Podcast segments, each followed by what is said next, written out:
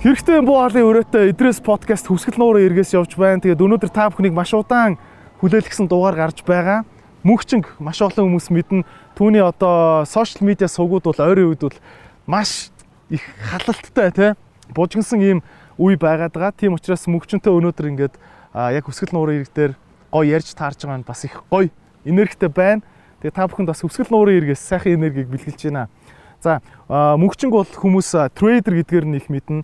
А яг л одоо гадны зах зээл дээр интернетээр орлого олж чадж байгаа одоо үлгэр жишээ одоо тий үлгэр жишээ одоо амьдралаа авч явж байгаа гэх юм уу залуучуудын нэг байгаа. А дээрэс нь бол маш их дэлхийгээр аялж одоо яг юм дэлхийн монгол хүн гэж үнэхээр тий ямар хүнийг хэлтийм бэ гэвэл одоо мөнгчин бол зүү өсөөр нэг жишээ нь бол болно гэж бодож байгаа. За тэгээд мөнгчингийн талаар бол мэдээж сошиал медиа дээр бол маш их те одоо тэр хүмтэн мөнгчин гэж ирээл нийтлүүд их гардаг те өөрөө их тийм сенсацтай юм характер байгаа. А за тэгээд бүгдээрээ мөнгчөнтэй өнөөдөр маш халуун сэдвүүдээр ярилцъя гэж бэлтлээ. Тэгээд мэдээж крипто гэдэг сэдв бол маш том сэдв. Мөн одоо энэ трейдинг, хувьцаа худалдаа, энэ дээрээс интернетээр яаж орлого олохын, гадаадаар яаж ажиллаж амьдарч, жинхэнэ дэлхийн хүн яаж монгол хүн байхын те. А мөн бидний үеийнхэнд байгаа маш том боломжууд гэдэг зүйлийг бас мөнгчин бол олон боломж ол харж байгаа. Энэ талаас хуваалцъя гэж бодож байна. Тэгээд хэрэгтэй юм буу халыг гэдэг юм чинь ойлоо яг хэрэгтэй юм ярэ те. Аа тий. Тэгээд мөнгчингийн хувьд бол мэдээж хоёлоо бол бас ингээд нэг төсөл дээр ажиллаж байгаа. Би бол мэдээлэлтэй байгаа. Гэхдээ нааг мэдж байгаа гэж битээ хариулаарай. Аа би үзэгчдийнхаа өмнөөс асууж байгаа учраас мэдгүй гэж бодоод хариулаарай гэж зарим асуултууд дээр хүсэж байна. За окей, хоёлоо ер нь яг одоо хамгийн халуун сэдв болоод байгаа зүйлээсээ эхлэе гэж бодож байна. Coin гарах гэж байгаа гэж байгаа. А энэ coin яагаад гаргаж байгаа? Ямар одоо концепттэй coin-ийн энэ хинт зөрүүлсэн зүйлийн те эндээс хин одоо хочхын те а энэ цаашаа яаж явах юм гээд ингээд олон асуултуудыг хоёлаа нэг батсан хариулт өгөөч гэж хүсэж байна. За энэ сайхан одоо хөвсгөл далаа ирэгтэр удаан хүлээлгэсэн подкаста хийж байгаа найстаа баярлалаа. Бит баяраас айл 2 сараас хойш те хийн гэж яриад ярьлаа. Айгуу гоо ингээд нөхцөл боломжинд бүрдээд манай ажил төрүүлж гэсэн яг ингээд гоё шинэ мэдээтэй суулцж шүү дээ те гоё юм. Шууд койныхаа талаар ярилцгаа те. Окей. За идрээ чи манай багийн гишүүн би манай одоо крипто гантик гэж одоо алдарсан гантик маань. За мөн бас трейдер ирхмээ гэж алдарсан одоо форекс тий е одоо и үсэг байдаг. Манай одоо Монголын одоо форексийн бас одоо бурхтын нэг тий. Баг тэгээ хэлчихэд болохоор нэг тим хүн байдаг. Ингээд бид дөрөв нийлээд санаа зориг хүсэл тэмүүлэл нэгдээд крипто валют бол гаргаж байгаа. За энэ крипто валютыг яагаад гаргах болсон шалтгаан нь юу юм бэ гэхээр бид нар шүү дээ тий. Бидний карманд байгаа мөнгө хадгаламжинд байгаа мөнгө өдөр болгон сар тутам жил ирэх тусам үн цэнэ алдчихдаг. Яагаад үн цэнэ алддаггүй гэхээр нэгдүгээрт Монголын хувьд бол долларын эсрэг ханшийн уналт. Бид нар чинь юм экспортлдог орн биш. Бид нар дандаа төгрөгөө зараад гадны валют болгоод бид нар юм импортлчдаг учраас бид нар байнга төгрөгийн одоо шортож буюу хомсдолд орж идэг. За тэгээд дээрэс нь маш их төгрөг одоо Монгол банкаас хэвлдэг. Энэ бол дэлхийн альч төв банкыг хийдэг зүйл. Энийгээ дагаад төгрөгийн одоо уналт, мөнгөний одоо үн цэний уналт гэдэг зүйл бол байнга өгч идэг. За Монгол төрөн дээр юм байна. За Америк доллар дээр тийм ээ. Коронавирусээс болоод эдийн засаг бол бүр зогсон байдалд очлоо шүү дээ. Тэгэхэд Америк болон дэлхийн том том улс орнууд яаж хүн хүн амтнаа аварч тийм ээ эдийн засгаар нь аварсан юм бэхээр ерөөсөө шууд мөнгө хэвлэл тараацсан өөр өөр юу ч хийх арга байхгүй. Одоо мөнгөгүй ажилгүй зогсчихсон хүн төлбөрөө байрныхаа мөнгө төлөхөөр мөнгө авах. Шууд мөнгө хэвлээд тараасан. Тэр мөнгө хэвлэлт нь яаж нөлөөлж байгаа юм гэхээр өнөөдөр миний карманд байсан 100 доллар тийм үү. Тэр чинь зах зээлийнхаа одоо нэг юм ханшаар эн чинь би 100 долларын үнэлгээтэй гэж байгаа зүйл тийм ээ. Гэтэл цаанаас нь цаанаас нь энд дахиад нэг 100 доллар ингээд шууд гараад ирчих واخ. Тэгэхэд яах вэ? Энэ 100 долларын 100 төгрөгийн үнэлгээ унана Тэр бол яг нүдэнд харагдаж гарт баригддгүү тэр үнэлгээний уналт. Энэ бол маш одоо хүний амьдралд хор нөлөөтэй нөгөө хүн ингээл зүтгэлэдэг зүтгэлэдэг хичээгэлэдэг хичээгэлэдэг дээрдэж чаддгүй амьдрал гэж нэг проблем байдаг ш манай монголчууд тийм ээ. Энэ бол ерөөсөө цэвэр инфляц болон төгрөгийн үн цэний уналттай холбоотой зүйл. Тэгвэл бид нар юу хийхийг зорьсон бэ гэхээр бид нар ерөөсөө энэ үн цэнийг хадгалъя. Хамгийн нэгдүгээр зорилго. Үн цэнийг хадгалъя. Яаж үн цэнийг хадгалах юм бэ гэхээр төв банкуд мөнгө хэвлдэг. Хязгааргүй хэвлдэг. Тэр эрхэнч байгаа тийм үү? Тэгвэл бид нар хязгаартай криптокурренси гаргая. Крипто одоо coin тийм ээ. А тэгээд тэр coin маань жил болгон инфляцийг дагаж устддаг бай. Одоо burn юм гэсэн үг. Одоо крипто валютын burn гэдэг хэлгийг ойлгохгүй хүмүүс бол бид нар нэгсэндөө жил болгон койныхоо тодорхой хэмжээг устгалд оруулж ирсэн. Шатаад чинь Зах зээлээс гарна. зах зээлээс шууд гарч байна. Тэгэхээр нөгөө энд үлдсэн байгаа койнууд маань хүмүүсийн те wallet-д байгаа, карманд байгаа, дансанд байгаа койнууд маань илүү үнцэнтэй болоод ирээд байна. Яагаад тэгэхээр зах зээлийн хуулиараа нийлүүлэлт багасж, эрэлт ихсэх тусам үн гэдэг зүйл өөрөө өсөж идэг тийм ээ. Тэгэхээр нэгдүгээр энэ концепц бол бид нар хүмүүсийн зовж цуглуулсан хадгаламж мөнгөний үн цэнийг хадгалах. За. За хоёрдугаар концепт. Хүн хадгаламжинд бид нар мөнгөө хийгээд одоо хүү авдаг шүү дээ тийм ээ. Үр шим хүчин гэсэн. Нэгс нөө би мөнгөө өгөөд ингээ ашиглуулад тэрэндээ ингээ буцаагаад хариу үр шим өгөөж авчин гэсэн үг. А гэтэл яг одоо төгрөгийн хадгаламж яг жинхэнэ ашиг бол байхгүй. Ингэж хэлэхээр гайхчих магадгүй. Яагаад тэгэхээр төгрөгийн хадгаламжийн хүү байна. Одоо жилийн за 10% тийм ээ. А гэтэл инфляц гэдэг зүйл байдаг. Нөгөө инфляц те. Инфляц гэдэг мангас байгаа шүү дээ. Тэр чинь нөгөө 10%-аас чинь гарч ирээд дараад ингээд өнөөдрийн хадгалуулсан 100 сая төгрөг чинь жилийн дараа 108 сая, 110 сая болсон юм шиг боловч яг үнэндээ нөгөө үнэлгээний хувьд адилхан 100 сая дээр байж Худалдаа авах чадамж нь тий. Тийм чадамж нь. Тэгэхээр бидний койныг бас эзэмшиж байгаа хүмүүс, барьж байгаа хүмүүс мөн өгөөж хүртэх хэрэгтэй. Тэр өгөөж хаанаас гарч ирэх юм бэ гэхээр манай крипто валютыг худалдаж авах буюу зархад гүйлгээний шимтгэл байна. Тэр гүйлгээний шимтгэл бүгдээрээ нэг одоо пул гэдэг юм уу санд цуглараад өдөр болгон доошо койн эзэмшиж байгаа хүмүүсүүд рүү тарааж их. Нэгсэндөө та маргааш өглөө босоод өөрийнхөө хитвчийг шалгахад тодорхой хэмжээний илүү их койн таны насанд орчихсон байна гэсэн үг. Энийг бид нар яаж тараах юм бэ гэхээр за жишээ нь өнөөдөр тэрбум төгрөгийн арилжаа тийм үү? Тэрбум төгрөгийн арилжаа. Эндээс тодорхой хэмжээний одоо 20 сая төгрөг ч юм 30 сая төгрөг ч юм ингээд бослоо. Тэрийг яг койн эзэмшиж байгаа хүмүүсийнхаа хэдэн хувь нийт зах зээл дээрх одоо койн эзэмшигчдийн хэдэн хувь эзэмшиж байгаагаар нь бид нар яг одоо тэгш тарах. А тэрнээс бол фаундерууд буюу одоо бид нар бол ямар ч ашиг авахгүй. Тэрийг бол зөвхөн одоо манай койныг барьж байгаа хүмүүс ашиг авах. За тэгээд 3 дугаар концепт юу болох вэ гэхээр энэ нь яванда хэрэглэгч хоорондын банк санхүүгийн хангамжийг одоо нийлүүлнэ. Одоо эрэлтийг нийлүүлнэ. Тэр нь юу гэхээр би өнөөдөр койно барьцаалаад би зээл авч болно. А чи дараа нь койно лок хийгээд түгчээд нэгсэн хадгаламж маягаар хадгалаад бас нэмэлт одоо хүү өгөөж хүртэж болно тийм ээ хадгаламжийн хүү шиг. За тэгээд дөрөвдүгээр концепт бол бид нар одоо 2 3 жилийн дараа тодорхой хэмжээний дараа. Аа тэнцэл авираад тодорхой гоё шүү дээ хүмүүс завтай ирээд тодорхой хэмжээний цаг үеийн дараа бид нар зах зээл дээр хүлээн зөвшөөрөгдөд манай ханьч тогтоод тийм ээ. Тэр үед койны маань нөгөө авах зарах шимтгэл нь багасаад одоо гүйлгээний шимтгэл багасаад тэгээ манай койн маань цэвэр хэрэглээ нэвтэрч ирэх юм. Тэгэхээр бид нар энэ койноороо юу зориод байна вэ гэхээр ханш нь ундаггүй, үн нь ундаггүй, үн цэнэ хадгалдаг мөртлөө бидний хоорондох санхүүгийн хэрэглээг нөхчдөг. Дээрээс нь өдөр тутмын амьдралын хэрэглээнд ч гэсэндээ орчихдог ийм супер койныг бол яг үнэндээ ингээ гаргах гад бид нар хичээгээд ажиллаж штэ тийм ээ. За тэгээд Энэ концепц бол маш шинэ концепц байгаа тий. шинэ концепт одоо дэлхийд дээр яг ингээд инфляцтай уяад энийг шатаагаад тий жил болгон яг автоматар инфляцтай уйсан байдаг Инфляцийн эсрэг албаар хомсдол үүсгэж байгаа гэсэн үг шүү дээ тий. байхгүй Эсрэг. байхгүй. Тэгэхээр Дэлхийд дээр ч одоо 11 мянган coin байгаа шүү дээ. тий Одоо ерөөс улс болгон coin гаргаж чинь. Одоо энэ компани болгон coin гаргаж шүү дээ өөрсдөө гэсэн тий. тэгэл ах шүү тий. Тий. А энэ дотор бол яг ийм концепттэй coin байх Нэг гэж ойлгож байгаа байх. нэг жишг байх. Тэгэхээр энэ нь өөрөө шинэлэг юм бид нар хийж чадах юм. А одоо хүмүүс ингээд асууад байхгүй. За танах гадаад зах зээл дээр амжилттай болох одоо баталгаа нь хаана байгаа гэхээр бид нар өөрсдөө энэ proof of concept буюу бидний энэ санаа дээрэс нь зах зээл дээрх яг бодит эрэлт ийм одоо үнэт цаасны ийм одоо cryptocurrency бодит эрэлт бол байгаа байхгүй. Тийм учраас бид нар бол энийг үнэхээр өндөр амжилттай явна гэж итгэж байгаа тийм ээ. Дээрэс нь манай баг хамт олон бол супер лидершип. Би хэлээд байгаа шүү дээ. Нэг юм Avengers те нэг юм нөгөө Marvel-ийн кинонд Avengers team байдаг шүү дээ.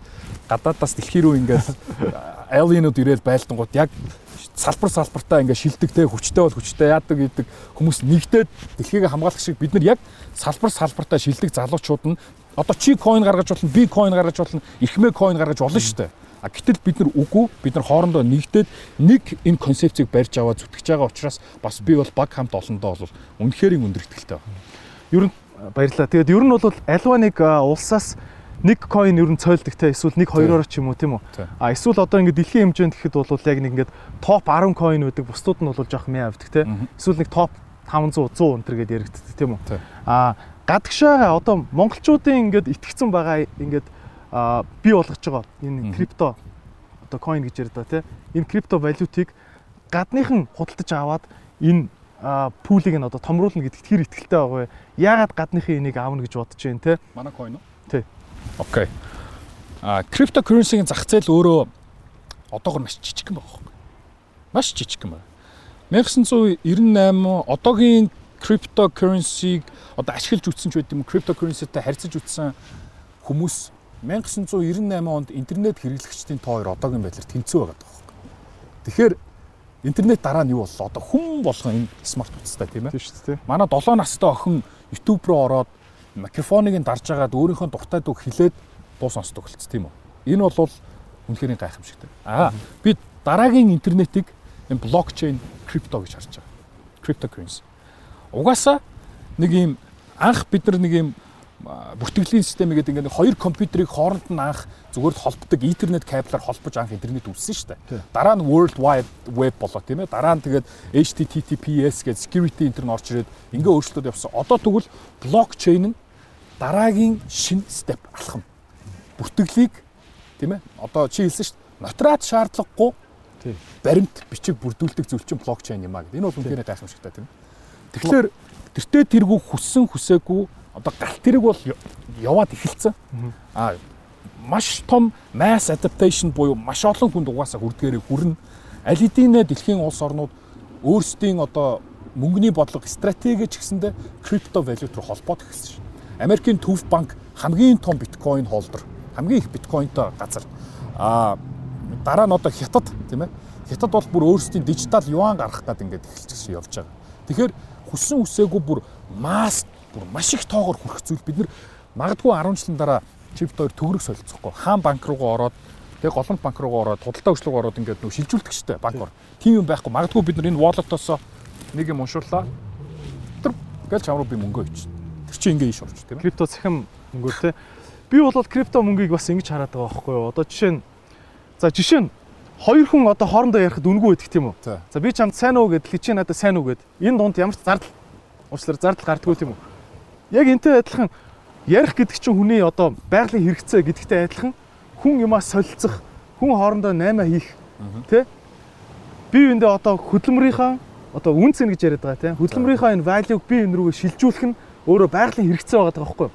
А гэтэл өнөөдөр би чам руу мянган төгрөг шилжүүлэхэд ягаад чи дунд нь ингээд ийм том санхүүгийн ийм систем ажиллаад том ингээд баахан банкуд ажиллаад тэнд ингээд салбар ажиллаад тог үрээд цаас хөвлөөд тэнд баахан хүмүүсийн ажилтан цалин гараад байгалийн хэрэгцээ буюу би чамд ингээд маа гэд мөнгө шилжүүлснийхаа төлөө энд ягаад чинь зардал гараад байгаа байхгүй. А энийг би болохоор одоо яг энэ блокчейн буюу одоо энэ маш өндөр нууцтай бүртгэлийн системийн ачаар энэ хүн ийшээгээ мөнгө шилжүүллээ гэдэг бүртгэлийг энэ олон байшин сав тог ажилтны хэрэггүйгээр зүгээр л энэ IT систем код гэдэг юм чинь пад хийгээд өгчөж байгаа учраас энэ бол яалтчгүй дараагийн хүн хоорондын байгалийн харилцааг зохицуулах маш том юм дэд бүтц гэж хараад байгаа байхгүй тий. Яг яг одоо банк банк яг гарч ирээд ямар асуудлыг шийдсэн бэ гэхээр бид нар төрөвчөндөө ингээд дүүрэн хэдэн зуун сая төгрөг аваад явж чадахгүй шүү дээ тий. Тэгмүүд ингээд банк руу итгээд хийгээд банк бол нэг security буюу хамгаалтыг чам бий болгочих тийм үү. А яг хуу халдлан маллаг хакнд өгтөөд мөнгө алдаж болно. Гэхдээ тэр бол маш бага хувиар тийм ээ маш бага хувийн магадaltaй. А матрасын дороо мөнгө өйжсэн бол нэг нөхөр орж ирд аваад тэгэл чиний хамаг амьдралыг чинь цуглуулсан мөнгө байхгүй болох боломжтой. Нэгдүгээр security гэдэг зүйл байсан. Хоёрдугаар transaction буюу гүйлгээ тийм ээ. Би одоо жишээ нь тэнд явж исэн нэг одоо шуудангийн хүнээр ч юм уу дамжууллаа чамд 10 сая төгрөг бэлэн ингээ явуулах юм бол замдаа тэр чи яаж болно шүү дээ тийм үү. очихгүй байж болно эсвэл дундаас нь нэг усцсан байж болно эсвэл яаж болох юм мэдэхгүй. Тэгэхээр банк бол тэр нөгөө гүйлгээ гэдэг зүйлийг чинь баттгаад нягтлаад мөнхчнгөөс идрээ гэдэг хүнд очих юм байна. Тийм гэдэг бүртгэлийг хийгээд нэгсэндөө тэр чинь яг үндэ бэлэн мөнгө ингэ шилжээд байгаа байхгүй шүү дээ. Нэг банкны данснаас авснаа бэлэн мөнгө авчиж чиний данс руу хийж байгаа юм байхгүй. Зүгээр нягтлан бодолтын бүртгэл хийж байгаа л зүйл байхгүй. Мөнхчнгийн тэд тэд данснаас идрэгийн тэд тэд данс руу орлоо. Гэтэ энэ бүртгэлийг хийхэд Тэнд хүн ажиллаж идэг, сууж идэг, харж идэг, нягталдаг, регистрийн дугаарыг хардаг одоо яад юу гэдэг те. А тэгээ шилжүүлдэг. А тэрэн дээр одоо банк шимтгэл авдаг шүү дээ тийм. А за бүр гадагшаа мөнгө явуулах wire transfer хийх бол уг нь ингээд дэлхийч аль дээрээ хавтгаа болоод бид нар өнөөдөр Монголоос Америк руу мөнгө шилжүүлэхэд бид нар уг нь 10 минут дотор л ормоор байгаа байхгүй. Гэтэл wire transfer буюу гадаад гуйвлгангүүтэй бүхлөтөн 3 хоноор дээрэс нь би одоо сүүл бүр wire transfer-тай маш их мөнгө зарсан хамгийн дээд бүр 250 доллар шимтгэл авч байгаа юм чи. Тийм ээ. 100 мянган доллар явуул явуулахад.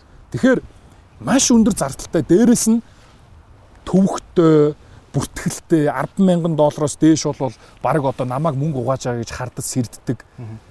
Ийм зовлонтой систем нь өөрөө нөгөө сүүл рүү хүн суртал маягийн болоод явцсан байхгүй. Уг нь анх бол ингээ гоё гэсэн. А тэгтэл тэрний дараагийн одоо шийдлийн өмнөхөр cryptocurrency, crypto value болоод гараад ирсэн шүү дээ тийм ээ. Одоо тэгээд Facebook өөрсдийнхөө крипто мөнгийг гаргаж чинь Amazon бол гаргана гэж зарлцсан тий. Facebook бол баг одоо энэ ондоо байна уу гаргачих магадгүй шүү дээ тий. Аа мөн бас Монголын дотоодын компаниуд бас маш ихээр өөрсдийн крипто мөнгнүүдийг гаргаж чинь тий одоо сонсогдоод байгаа тийм үү. Одоо баг 10 хэдэн одоо coin бол Монголд бол ингээ гарцсан байна шүү дээ тий. За ингээ явж чинь а энэ дундаас шалгарл бас байх бах тийм үү одоо аль нэг coin нь илүү хэрэглэгдэх бах тийм үү. За одоо ингээд биткойн ганцаараа ингээд од байсан. Тэгсэн чинь одоо ингээ Ethereum гэдэг мөнгө баг илүү одоо гүйлгээнийхэн тэр хооронд үргэлжддэг тэр IT системийнхэн цаана үргэлждэж байгаа юу гэдэг цахилгаан зарцуулалт нь илүү багч байт юм уу те. Ингээд нэг давуу тал гарч ирж байна тийм үү. Тэгвэл одоо мөнгчөн одоо энэ гарч ирж байгаа койны талаар бас илүү давуу тал өөр ямар давуу талууд харагдах бол а ямар одоо койнуудын хооронд шалгарал явагдах бол ирээдүйд те. Окей ойлгомжтой. А Ethereum сая ярьлаа шүү дээ. Ethereum биткойноос илүү давуу талтай болоод ирсэн хэрэг. Яагаад тийм байсан гэхээр биткойны блокчейн систем дээр нь дахиад одоо хөгжүүлэлт хийх юм уу эсвэл өөр токен гарч ирэх амар хэцүү байхгүй. Ethereum-ийн блокчейн систем болохоор тэр нь айгүй амархан бөгөөд дээр нь одоо хүн болгонд нээлттэй. Одоо чинь чи суралцаад маргааш чи Ethereum network дээр чи код бичээд чи coin гаргаж болохгүй. Тийм учраас ингээд бүр ингээд масс ингээд хүрээ тийм ээ бүр accepted болоод хүмүүс их хэрэглээд шүү дээ. А тэгээд яг нөгөө амар хэрэглээгээ даачдахгүй гүйлгээний шимтгэл нөгөө gas fee гэдэг юм нь жоохон өндөр болчиход байгаа одоогийн байдлаар.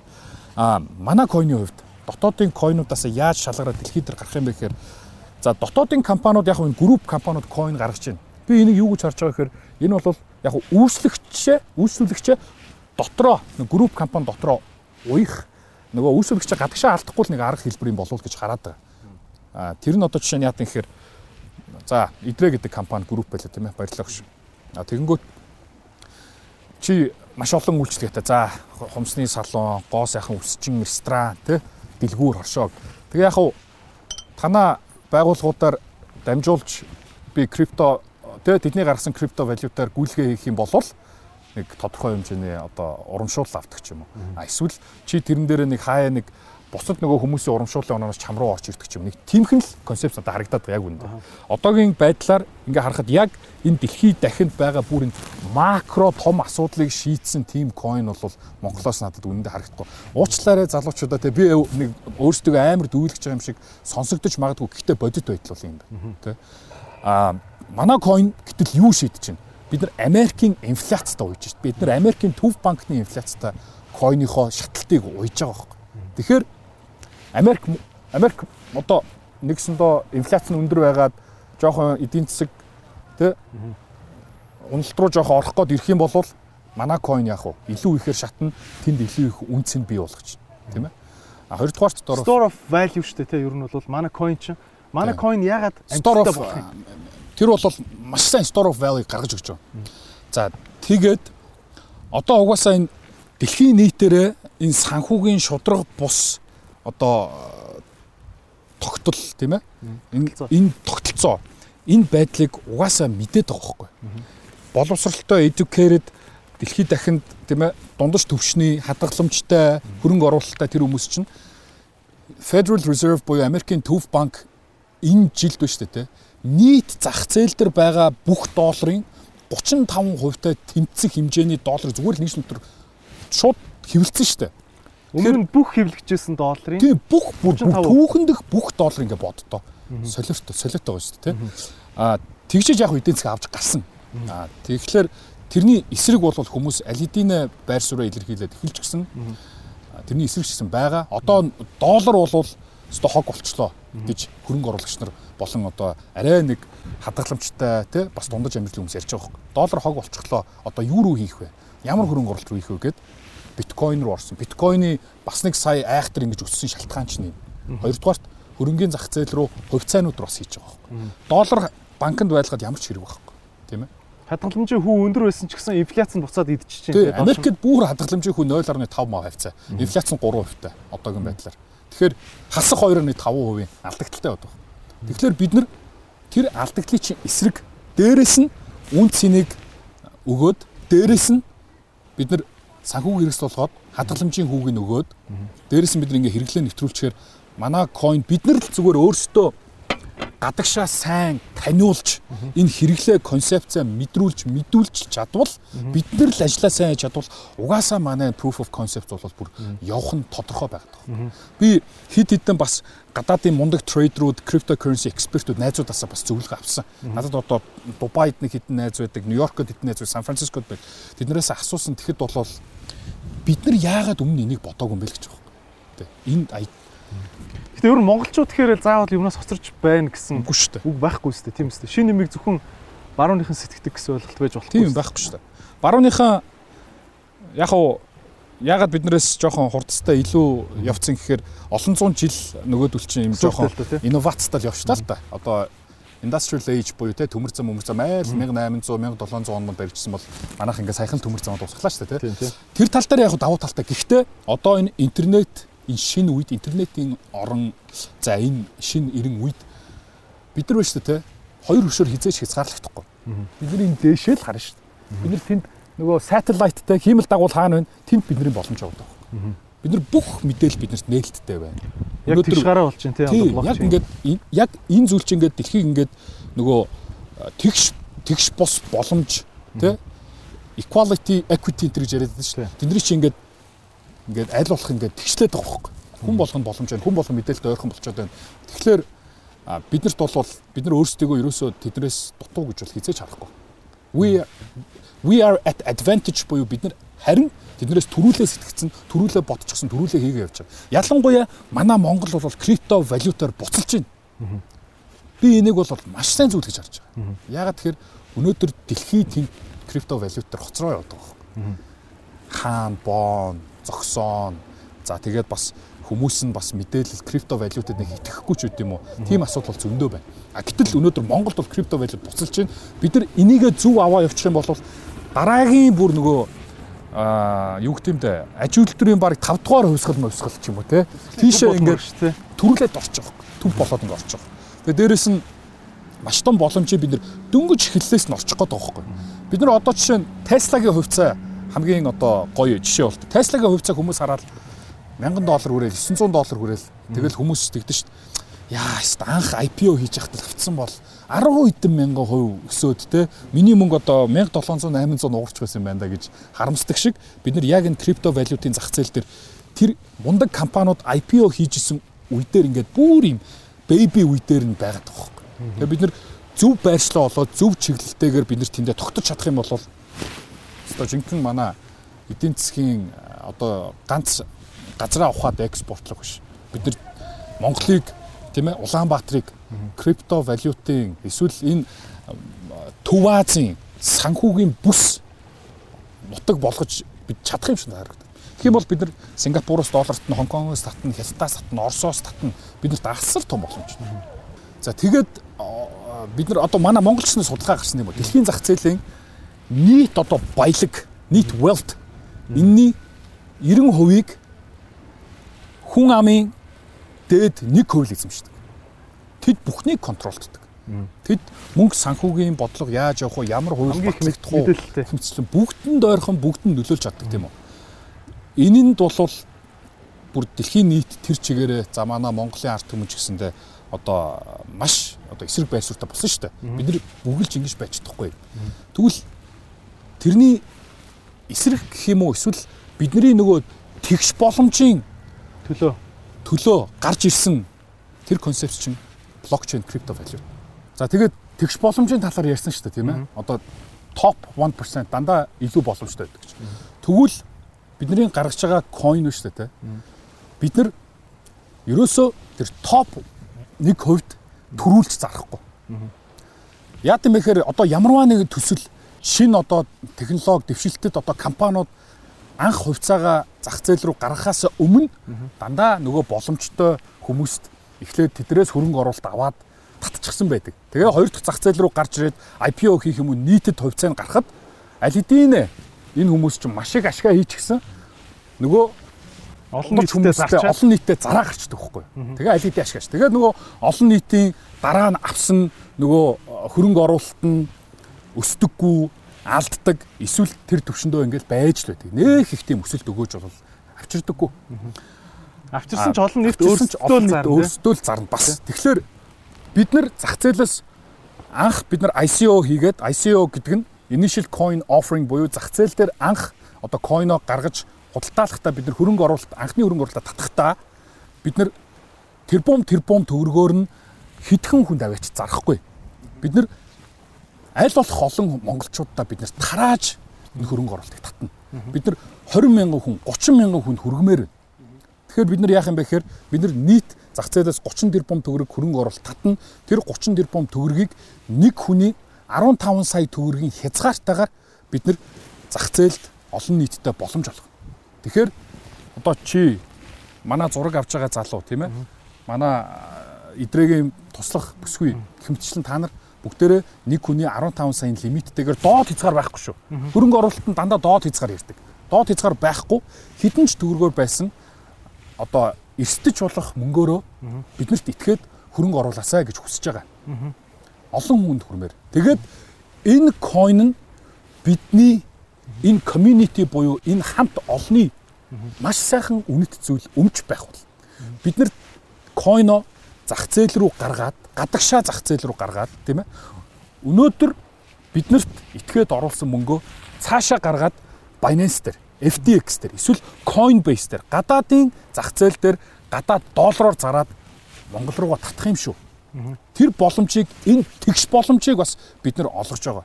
Бидний энэ зорилго бидний энэ хүсэл болвол нийт хүмүүстээ тэгш боломжийг олохыг төрүүлж тэгш орох те. төрүүлж орох. Аа их мөнгөөр авахыг хүсэж байгаа хүмүүс зөндөө байгаа. Тэгээ одоо би бол бас уучлаарай гэд те бид нар бол бидний энэ зорилгод бол нийцэхгүй гэд буцааж байгаа. Аль хэдийн бидний босгож байгаа мөнгөнд дүүцхүүц сонирхол ороод ирчихсэн. Өчтөрлөхэд манай найз залгаад тэрбум төгрөгөөр авъя гэж. Би уучлаарай зарч чадахгүй. Бид нар олон нийтэд гарганаа гэд. Тэгэхээр ийм Дараа дараа нь олон нийтээс өөрөө илүү үнээр цуглуулж аваа. Аа нөгөө боломжтой хүмүүс маань дараа нь бид нар хоёр дахь зах зээл дээр exchange дээр гарангуут та нар харин тэр exchange үнээр нь худалдаж аваа л гэдэг. Тийм байр суурьтай, дүрм журамтай манай хөрөнгө босолт бол явагдаж байгаа. За тэгээ 30 тэрбум төгрөг ямар их мөнгө юм бэ? Тэ энэ их мөнгөөр одоо юу хийж байгаа юм гэж гайхчихж магадгүй. Энэ бол яг үнэндээ нэг мөнгө биш. 10 сая доллар. Дэлхийн том том технологийн прожектууд 100 100 сая доллараар хэмжигдэж анхны хөрөнгө оруулалтаа татаж цааш хөгжүүлэлтээ хийж явдаг. Бид нар энэ 30 тэрбум төгрөг буюу 10 сая доллараар юу их юм бэ гэхээр бид нар технологийн хөгжүүлэлтээ сайн болгоно. Бид нар бүр гадаадаас бас технологийн багаа бүрдүүлнэ. Бид нар гадагшаа зах зээл рүүгээ таниулах тэр ажиллагаануудаа хийн. Тэр бол ерөөсөө хямдхан биш. Тэ? Одоо нэг гадаадын инфлюенсер хүнд мөнгө өгөөд стори дуулахад чинь 4 5 мянган доллар. Энэ бол ингээд л урсаж өгнө. А гэхдээ бид нар аль болох өөрсдөө энэ мөнгөө аль болох одоо хамаа намаагүй бас өрөхгүйгээр мөнгөний менежмент мэдээж хийн. Бид нар зүгээр ингээд банкнд суулгачихгүй шүү дээ. Төрөө нөгөө ярьж исэн банк бол угаасаа мөнгөний үнц нь ундаг гэдэг шиг. Тэгэхээр бид нар бас юуны тулд би өөрөө одоо арилжаач хөрөнгө оруулалтын мэрэгчлэн хүн билээ. Дээрээс нь манай трейдер ихмээ байна. Хөрөнгө оруулалтаар бол мэрэгчсэн хүн. Маш амжилттай явж байгаа. Тэгэхээр бид нар бас мөнгөний менежментээ сайн хийгээд бид нар урсах зарлуудаа бас бид нар өөрсдөө гаргаж чадах хэмжээнд ажиллана. Аа тэгээ цаашаа бас гадаадын exchange руу гарахад бол бас өндөр төлбөртэй сая доллар, 2 сая доллар байдаг. Тэгэхээр бид нар бас энэ босгож байгаа мөнгө маань бол бас хитрхи хий хоосон өндөр тоо биш. Бид нар өөрсдөө аваад тэр мөнгийг аваад баяжих гээд байгаа юм биш. Бид нар тэг шаардлага байхгүй. Чи долларын сайтан, би долларын сайтан, эрхмээ долларын сайтан гандаг бас сайтан. Тийм ээ. Тэгэхээр бүгд те. Ол. Тэгэхээр бол олон хүмүүс маш олон хүмүүс эхэлж оролцсныхаа одоо одоо юу гэдэг чинь төрүүлж алхасны давуу тал гэж гарна шүү дээ. Тэгээ нэг юм хардлага байдаг шүү. Анх төсөл эхлүүлсэн хүмүүс нь ингээд баяжих гээд байгаа юм шүү дээ олон нийтээс. Тийм зүйл бол байхгүй. Бид нар койно мэдээж бид нар бүр гадаадын зах зээл рүү гарцсны дараа бид нар фаундерууд бас ашиг шимээ хүртэн. Тэгээд бид нар ер нь бол бидний зорилго бол 5-аас 6 жилдээ гадаадын зах зээл дээр гарахад бид нар койнуудаа бол гадагшаа зарчна. А тэгээд энэ койн маань цэвэр зах зээлийн хуулиараа шийдэгдээд эрэлт нийлүүлэлтээр ханшин тогтоод бид нар өөрсдөө одоо халимнууд болоод ханшаа унгаагаал зараад нэг тийм байхгүй гэсэн үг байна шүү дээ тийм ээ. Одоо гэтэл чинь XRP-гээ coin байдаг тийм үү. XRP-гээ coin жоохон өсгөнгүүт анхны технологийн фаундер байсан CTO байсан нөхөр сая сая доллараар зарчдаг. Бид нар тийм зүйл бол гарахгүй. Тэр а тийм ч үүднээсээ нөгөө криптогийн whale буюу халимнууд те одоо төрүүлээд нөгөө тэрбум тэрбумаар орсон хүмүүс чинь дараа нь зараад ханш унгаагааддаг. Тийм зүйл байхгүй. Өнөөдөр дорж дулмаа бата тий Бид нар 15 сая төгрөгөөр авцсан coin ирээдүйд тэр нь бас нөгөө нэг халимны заралт болоод бас энэ ханшийг бол айхтар унгаахгүй. Маш доктортой явна гэж бид нар харж байгаа. Манай ханшиж гисэн дээ. Тэ. А гэтээ бид нар бол тэдэн хуваар хэд дахин өснө гэж бол юу ч амлах чадахгүй.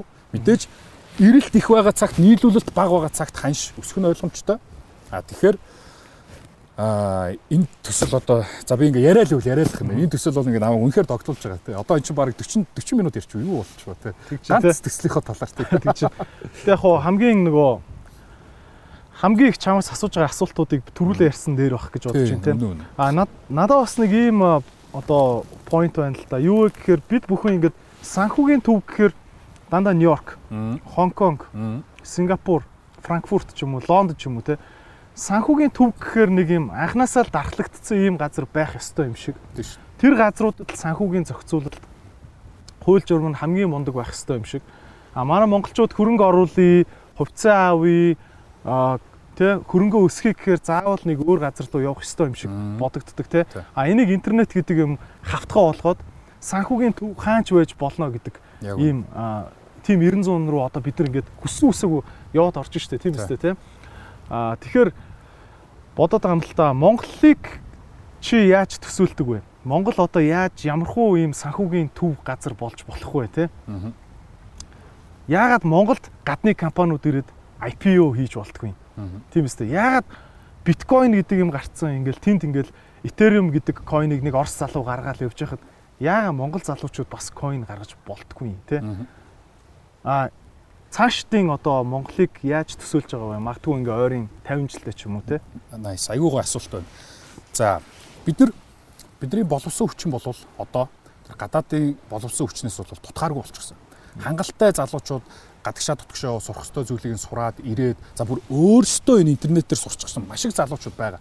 Боловсон хүчин бол нэгдүгээр тутахгүй. А хоёрдугаар би э, миний нэг юм амьдралдаа хийж бүтээх нэг ганц том зорилго байдаг нь юу вэ гэхээр Монголд би хөрөнгө оруулалтын маш том сан байгуул. Энэ бидний койны одоо ажил маань төсөл маань гадаадын зах зээл рүү гараад амжилттай болсны дараа шууд энэ хөрөнгө оруулалтын сангийнхаа ажил руу бол 2 янцуу шунлаад өстой өдөр шөнөгүй ажиллаад орно. Яагаад би энэ хөрөнгө оруулалтын санг байгуулж Монголд хөрөнгийн зах зээлийн хөгжлийг авчирмаар байгаа юм бэ гэхээр үү шүү дээ. Өнөөдөр миний эмээ өвөө бидний эмээ өвөө тэтгэвртэй гарчсан хүмүүс маань хангалуун сайхан амьдарч чаддаггүй. Яагаад тэгэхээр тэднийг тийм ээ улсдаа 30 40 жил зүтгээд 30 40 жил одоо ажиллаад хөдөлмөрлөөд тэндээсээ тодорхой хэмжээний мөнгө хөрөнгөлүүлээд нийгмийн даатгалаа төлөөд тэтгэвртэй ингээ мөнгө хөрөнгөлүүлж хахад тэр мөнгө нь өсдөггүй байсан байхгүй. Тэр мөнгөөр юу ч хийдэггүй байсан. Тэр мөнгөөр хөрөнгө оруулалт хийдэггүй. Ирээдүйд өгөөчтэй зүйл хөрөнгө оруулалтууд хийдэг байсан. Тэр нь манай Монголд яг нэг хөрөнгөний зах зээл хөгжөөгүй байсан шалтгаан л та. Тэгэхээр одоо ингээд Америкт ч юм уу Европт нөгөө baby boomers гэдэг те одоо нэг 50 настай 60 настай хүмүүс амар хангалуун амар юм баян чинэлэг байдаг шүү дээ. Тэд нар чи яатсан бэхээр тэд нар тийм баян чинэлэг айлж төржсөн хүмүүс байдаг байхгүй. Тэд нар зүгээр сарын 3000 долларын цалинтай тэндээсээ 150 доллар 200 доллар сар болгон цаашаа хийгээл байдаг. А тэрийг нь тэр хөрөнгөний зах зээл нь хөгжсөн газар тэтэ тэргүй тэтгэврийн сангаараа хөрөнгө оруулалтын сангаараа пеншн фандаараа дамжууллаад зах зээлээс ашиг өгөөж өгөөд явчихдаг. S&P 500 гэж Америкийн одоо шилдэг 500 хувьцааг байнга ингэж оруулж гаруул солигдчихийдэг. Яг доторх нөгөө компаниудын компаниуд нь солигдчихийдэг. Гэхдээ тэр индекс нь байж идэг нэг ийм супер индекс байдаг. Тэр бол өнгөрсөн 100 жилийн хугацаанд жил болгон 8-аас 10% Америк долларын өсөлттэй байсан. Тийм ээ. Тэрийг ингээд тэр компаниуд руу мөнгө оруулсан байхад 8-аас 10% өсчихл байсан. Тийм. Жил болгоо. Яг уу одоо жишээ нь коронавирусын үеэр 35% унаад тэгснэ одоо буцаад өсөө гараад ирсэн. Иймэрхүү савлгаанууд бол байна. Гэхдээ урт хугацаанд 100 жилийн өмнө би 1000 доллар хийцэн бол өнөөдөр шүү дээ хэдэн сая доллар. Би яг тэр нөгөө тоог нь марчиж гэхдээ би ингээд тоо баримтыг судалгаа хийгээд байж. Тэгэхэд энэ нь юу вэ гэхээр нөгөө хөрөнгөний зах зээл чинь өөрөө өнөөдөр 900 доллар чинь маргааш 110 доллар болчихлоо тийм үү. Тэнгүүтээ дахиад 110 доллар чинь 10% өсөх буюу хүүгээс хүү бодогдож compounding interest-ээр өсөж идэг зүйл. Аа тэгэхээр нэг 72-ын дүрм гэж зүйл байдаг. Би тэрийг нэг тайлбарлачих. 72-ын дүрм нь юу гэдэм бэхээр 72 гэсэн тоог жилд хүртэх өгөөжөр хуваахаар нэг тоо гарнаа та. Жишээ нь 72 хуваах нь 10 ч юм. Тэгэхээр 7.2 гэдэг. Тэр нь хэдийн хэмжээнд хэдэн жилийн дотор чиний мөнгө чинь 2 дахин үржих вэ гэдэг тийм тооны хууль байдаг. Тэгвэл одоо бодъё. 100 долларыг 7 жилийн дараа 200 доллар тийм үү? Дахиад 7 жилийн дараа 400 доллар. Дахиад 7 жилийн дараа 800 доллар. Дахиад 7 жилийн дараа 1600 доллар. Тэгэхээр 5 гэдэг чинь 35 жилийн дотор анх хийсэн 100 доллар чинь 16 дахин үржиж байгаа байхгүй тийм ээ. Тэгэхээр ийм нөгөө ашиг өгөөжийг олон жилийн турш ингээд хүртчихэд дараа нь тэтгэвртэй гарахтаа нөгөө хүмүүс чинь баян чинэлэг сайхан хангалуун сайхан амьдардаг. А гэтэл манай монголчуудын хувьд тийм үү. Энэ зах зээл ерөөсөө хөгжөөгүй байна. Дөнгөж эхэлж байна. А тэгэхээр Монголд бол яг энэ зах зээл рүү ороод ирэх юм бол бид нар чинь бас нэг тийм жижигхэн зах зээл биш шүү дээ.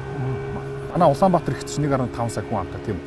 А тэгэхээр боловсон хүчнийг нь гаргаад энэ хөрөнгө оруулалт хөрөнгө оруулалтын одоо сангийн за зах зээл рүү хөрөнгө оруулахын нөгөө боломжийг нь гаргаж өгөөд ингээд нэгтгэж чадах юм бол бид нар маш сайхан мундаг сангууд байгуулж чадна. Тэр сангууд байгуулад 2 3 жил 4 5 жилийн туршид ашигтай өгөөчтэй жилийн те зах зээлийн нөгөө 10%-аас илүү ажиллаж чадах юм бол тэртээ тэргүй нөгөө гадаадын хөрөнгө оруулагч ч орж ирээд гуйгаад маа чи миний мөнгийг авалтаа гэдэг бүр тэгдэг хөхгүй.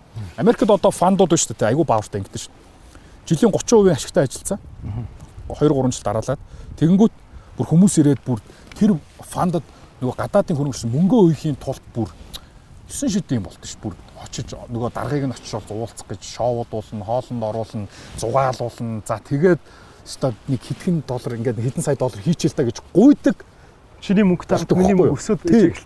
Тэгэхээр угаасаа бид нар энэ хөрөнгө оруулалтын сангуудыг байгуулаад зах зээлийнхаа хуулиар бид нар илүү аут перформ хийгээд сайн ажиллаж чадах юм бол гадаадын хөрөнгө оруулалтууд бол тэр бол проблем биш. Яг үнэндээ. Надад зүгээр ингэ санагдаад байдаг аахгүй. Одоо зүгээр манай магадгүй манай нийгэмтэй өөрөө нөгөө юм зах зээлийн нийгэм байгаагүй. Маш олон жил ингээд одоо социалист системтэй улс байсны одоо үр дүнд гэж бодд юм уу да тий. Жишээ нь ингээд одоо жоох ахмаг одоо настай хүмүүс бас тэгж хэлэх байх л та чи зүгээр сууж агаад мөнгө чинь ингээд өснө гэж юу байдیں۔ Чи наа өөрөө гар хөлөө хөдөлгөөч. Яасан залах уу юм те. Мөнгө ингээд мөнгө ер нь бол ингээ өөрөө өсөж явах ёстой гэдэг нь нэг тийм шуналтай хүний эсвэл нэг хурдан баяжих гэсэн хүний бодол юмшгээр ингэж хүлээж авдаг юм шиг надад санагддаг байхгүй бас сэтгэлгээ. А гэтэл гадаад одоо барууны орнуудад яадгүй гэхээр миний мөнгө тэнд зүгээр сууж гинэ гэдэг чинь надад асар охиролтой. Миний мөнгө тэнд жилдээ заавал нэг тэдэн өсөөд байж ах хэвээр. Бүр банкны хүүнээс ч илүү өсөж явах ёстой юм руу миний мөнгө орох ёстой гэдэг ийм сэтгэлгээтэй ингээд эсрэг юм шиг санагдаад байхгүй. А чиний зүгээс бас яг ингээд бид бүхэн одоо настай ингээд мөнгөтэй харьцах сэтгэлгээгээ ингэж өөрчлөх хэрэгтэй байна. Гэвэл чи юу гэж хэлэх вэ? За мэдээж хөрөнгөний зах зээл дээр хурдан баяжна гэдэг ойлголт бол ер нь байдаггүй шүү дээ. А өндөр эрсдэл хүлээж авах юм бол өндөр ашиг хүртэнэ. А гэхдээ тэр өндөр эрсдлийг давж чадахгүй тэр өндөр эрсдэлтэр үгээгүй хоосрох, ядуурах, мөнгө алдах хүмүүс зөндөө байна тийм үү. А тэгэхээр миний урт хугацааны энэ урт хугацааных шүү. Хүн урт хугацаанд би хэлсэн шүү дээ түрүүн тийм 100 жилийн туршид бол ингэж өссөн байна. А тэр дунд нь 40% уналт 50% уналт буцаад өсөх зүйлүүд бол гарч ирнэ. Урт хугацаанд зүгээр passive investing буюу одоо passive гэдэг нь болохоор чи өөрөө юу ч хийхгүйгээр зүгээр ингээд юу ч бодохгүй мөнгөө хийж л байх хэрэгтэй байхгүй. Сар болгон нэг 200 сая төгрөг, сар болгон 300 сая төгрөг хөрөнгөний зах зээл рүү өөрийнхөө тэр хуримтлалын сан руугаа хийгээл ах хэрэгтэй. А тэгэхэд 30 жилийн дараа 40 жилийн дараа бол энэ нь бүр тэртээ тэргүй олон нугараад өсөөд гараад ирэх зүйл. Энэ хөрөнгөний зах зээл за тэгээд ялангуяа энэ индексжүүлсэн одоо хөрөнгө оруулалт тийм ээ S&P 500 500% цаг багцлаад нэг компани дампуурж болно тийм үү гэтэл нэг компани амар өндөр өсөлтөд гарч болно. Тэгэхээр энэ багцлсан энэ индексжүүлсэн энэ хөрөнгө оруулалт бол манай одоо хүн төрөлхтний түүхэнд байгаагүй хамгийн шилдэг инновац. Энэ бол маш их хөгжил, дэвшил, маш их энэ одоо сүүлийн 100 жил бид нар ингээд асар уртастай хөгжөөд шүү дээ. Энэ технологи, интернет чи юу болоод байгаа юм бэ те. Бараг ингээд сүүл рүү ингээд keep up хийгээд хамт ингээд явж чадахгүй шүү дээ. Юу болоод байгаа юм.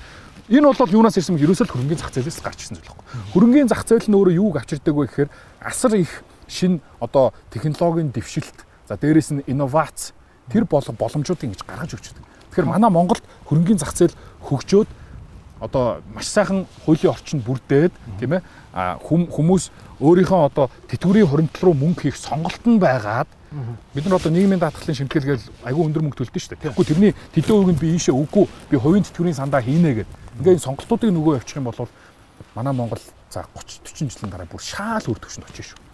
Аа мөгчөө би энийг бол ингэж ойлгоод байгаа шүү дээ. Одоо жишээ нь чиний одоо зовж ээж ажиллаж ээж гараа хөдлөж ээж олсон мөнгө чинь тэнд аривччих хэвээр.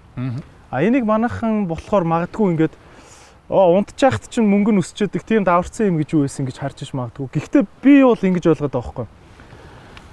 А баялагийг хэн бүтээдэг гэвэл яг өнөөдөр бол бизнесүүд бүтээж байгаа тийм үү? Бизнесүүд. А энэ бизнесүүдэд ажиллахад, инновац хийхэд, үйлдвэрээ барихад, томорход мөнгө хэрэгтэй болдог. А энэ мөнгө нь хаанаас гарч ирэх үү гэхээр хувьцаагаа зараад энэ мөнгийг босгож гаргаж ирнэ тийм үү? А тэр хувьцааг нь тэтгэврийн сан, тийм хөрөнгө оруулалтын сан, ийм нэгдсэн сангаар дамжуулаад тэр мөнгө хэрэгтэй мөнгөний өгөн тийм үү? А тэр санд болохоор би нөгөө зовж олсон мөнгөө өгөн тийм үү? Ингэснээр миний зовж олсон мөнгө сан руу орлоо. Одоо чи хөрөнгөний зах зээл гэж яриад байгаа шүү дээ тийм. Хувьцаа руу орлоо. Тэгснээр компани данс руу орлоо. Ингээд яг үйлдвэр болж байгаа шүү дээ. Тэгэхээр бас яг ингээд те би зүгээр унтчихт мөнгө маань аривчж гин гэж бодох нь айгүй өрөөсгөл. А харин миний зовж олсон мөнгө тэнд зовоод үйлдвэр барих байгаа том компанид тусалж байгаа. Учираас би үр шимийг хүртэж байгаа. Яг үнэ. Тийм үстэй. Яг үнэ. Тэ? Тэгж ойлгоод байгаа. А за энэ бол миний одоо хөрөнгөний зах зээлийн тайлбар тэ. А чинийхаар бол одоо магадгүй ингээд хөрөнгөний зах зээл хөгжих ёстой гэж яриад байна тийм үү? Мөнгийг зүгээр ингээд ансанд байлгаж болохгүй яриад. А чиний тайлбар юу вэ? Жишээ. За одоо хоёулаа юу ч мэдэхгүй. За ингээд 7 дугаар ангийн хүүхдэд За ойлгуулах гээд үзье л та тийм. Хөрөнгөний зах зээл гэж юу вэ? За окей. Хэрвээ 7 дугаар ангийн хүүхдэд би тайлбарлах юм болов шүү дээ. Эхлээд нэг ажил хийлгэв. За ахын дөө чи нэг айгүй хүн төчөр ажил хийлгэв. Тэгээ би нэг 20 сая төгрөг өгчээ. Тийм ээ. Чи дахиад яг ажил хэмд ижил хэмжээний энэ ажил хийгээд дахиад 20 сая төгрөг авах уу? Эсвэл чи наад 20 мянга Тэг 3 хүн ажилуулад чи наад 20 мянган төгрөгөө одоо хөрөнгө оруулалт хийчих. Тэ? Тэгээ гурван залуу авчраа ажилуулчих. Нөгөө гурван залуу чи ажиллаа хийчээд чи 20 мянга авах уу гэвэл юу гэж хэлэх вэ? 20 мянга өгнө үстэй. Цаашаа нөгөө гурван залуу руу өгнө үстэй. Хөрөнгөний зах зээлийн концепт ч юм бол ерөөсөө л юм баггүй.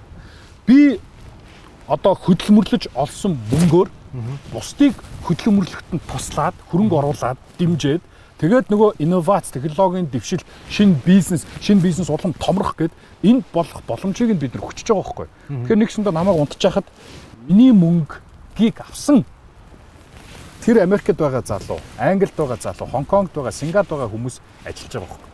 Тэгээ буцаагаад баярлаа гэд үр шимээ хүртэж байгаа. Тийм л энгийн ойлголт юм.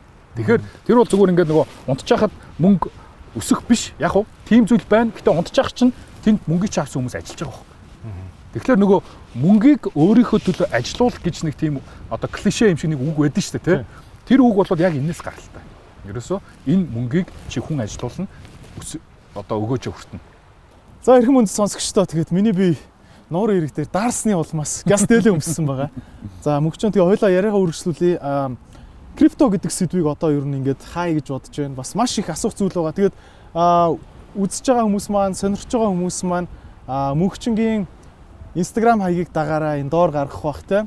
Тэгэд мөнгөчөнгийн Instagram хаягаар бол маш их хөрөнгө оруулалттай холбоотой а өөрийнхөө зовж олсон мөнгөө те яаж ингэж өгөөчтэй өндөр өгөөчтэй өсөх вэ гэдэг талаар маш их одоо ярьдаг. Тийм учраас та бүхэн сонирхоор аа за энэ криптогийн тал дээр ерөнхийдөө миний асуугаагүй бас хэлхийг хүссэн зүйлс юу байгаа вэ? Нэг одоо эцсийн комент өгөөч те. Тэгээд цаашаа гоё трейдингийн талаар ярих гэж бодож байна. За крипто гэдэг сэдвийг ойлгохгүй энэ сэдвд шинээр одоо сонсож байгаа хүмүүс бол би нэг анхан шатны мэдгэдэгхүүн их өгөхийг бол хичээсэнгүй. Ягаад тэгэхээр энэ анхан шатны зүйлийн талаар ярьсан хүмүүс зөндөө байгаа тийм ээ. Одоо жишээ нь манай гантик эдрийн подкаст норсон гантрын гантхийн одоо подкастыг сонсоор. Тэгэх юм бол блокчейн крипто гэж юу юм бэ гэдэг талаар илүү сайн ойлголт авах байх. Би болохоор аль болох арай агсан төвшний зүйл яриа очлоо шүү. Тэгэхээр бас үзэгчдээсээ уучлалт хүсье. Тэгээд хоёул яг энэ сэдвийг өндөрлөө дараагийн сэдв рүү оръё. А тэгвэл би бас нэг сүүл нэг нэмж хэлэх зүйл байна. Өөрсдийнхөө койны талаар тий. А за манай койны нэр болгол IHC буюу Inflation Hedging Coin инфляцийн эсрэг coin гэсэн үг.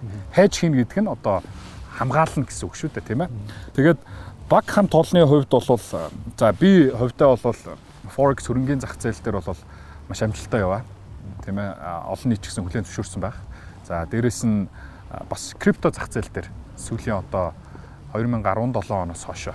Тэгээ би бол их хаа байсан 2009 онд биткойн авч ирсэн учраас гэж худлаа ярихгүй. Сүүлд орж ирсэн. Гэхдээ орж ирэхдээ одоо оройхон гар ширүүхэн дайрсан гэдэг шиг нэлээд бүр криптогийн улаан фанат бас мэрэгчлэлтэн маягийн болсон. За манай идрээ байна. Манай идрээ бол одоо хүмүүс бас ганц хоёр над руу комент хэлжсэн. Энэ одоо комедиан юу койн гаргах вэ гэдэг. Үгүй шүү дээ. Манай идрээ чи 2 3 одоо IT-ийн компанитай за одоо дахиад шинээр гарч байгаа IT-ийн компани бол олон улс руу чиглэсэн ийм бас мундаг entrepreneur залуу байгаа. За манай эрхмээ трейдер байгаа. Эрхмээ трейдер бол за forex-ийн god гэж бол түрүүн одоо хэлсэн тийм ээ. Тэгэхээр бас энэ хөрөнгөний зах зээл энэ арилжаа энэ крипто валютараас мэрэгчлэлтэн.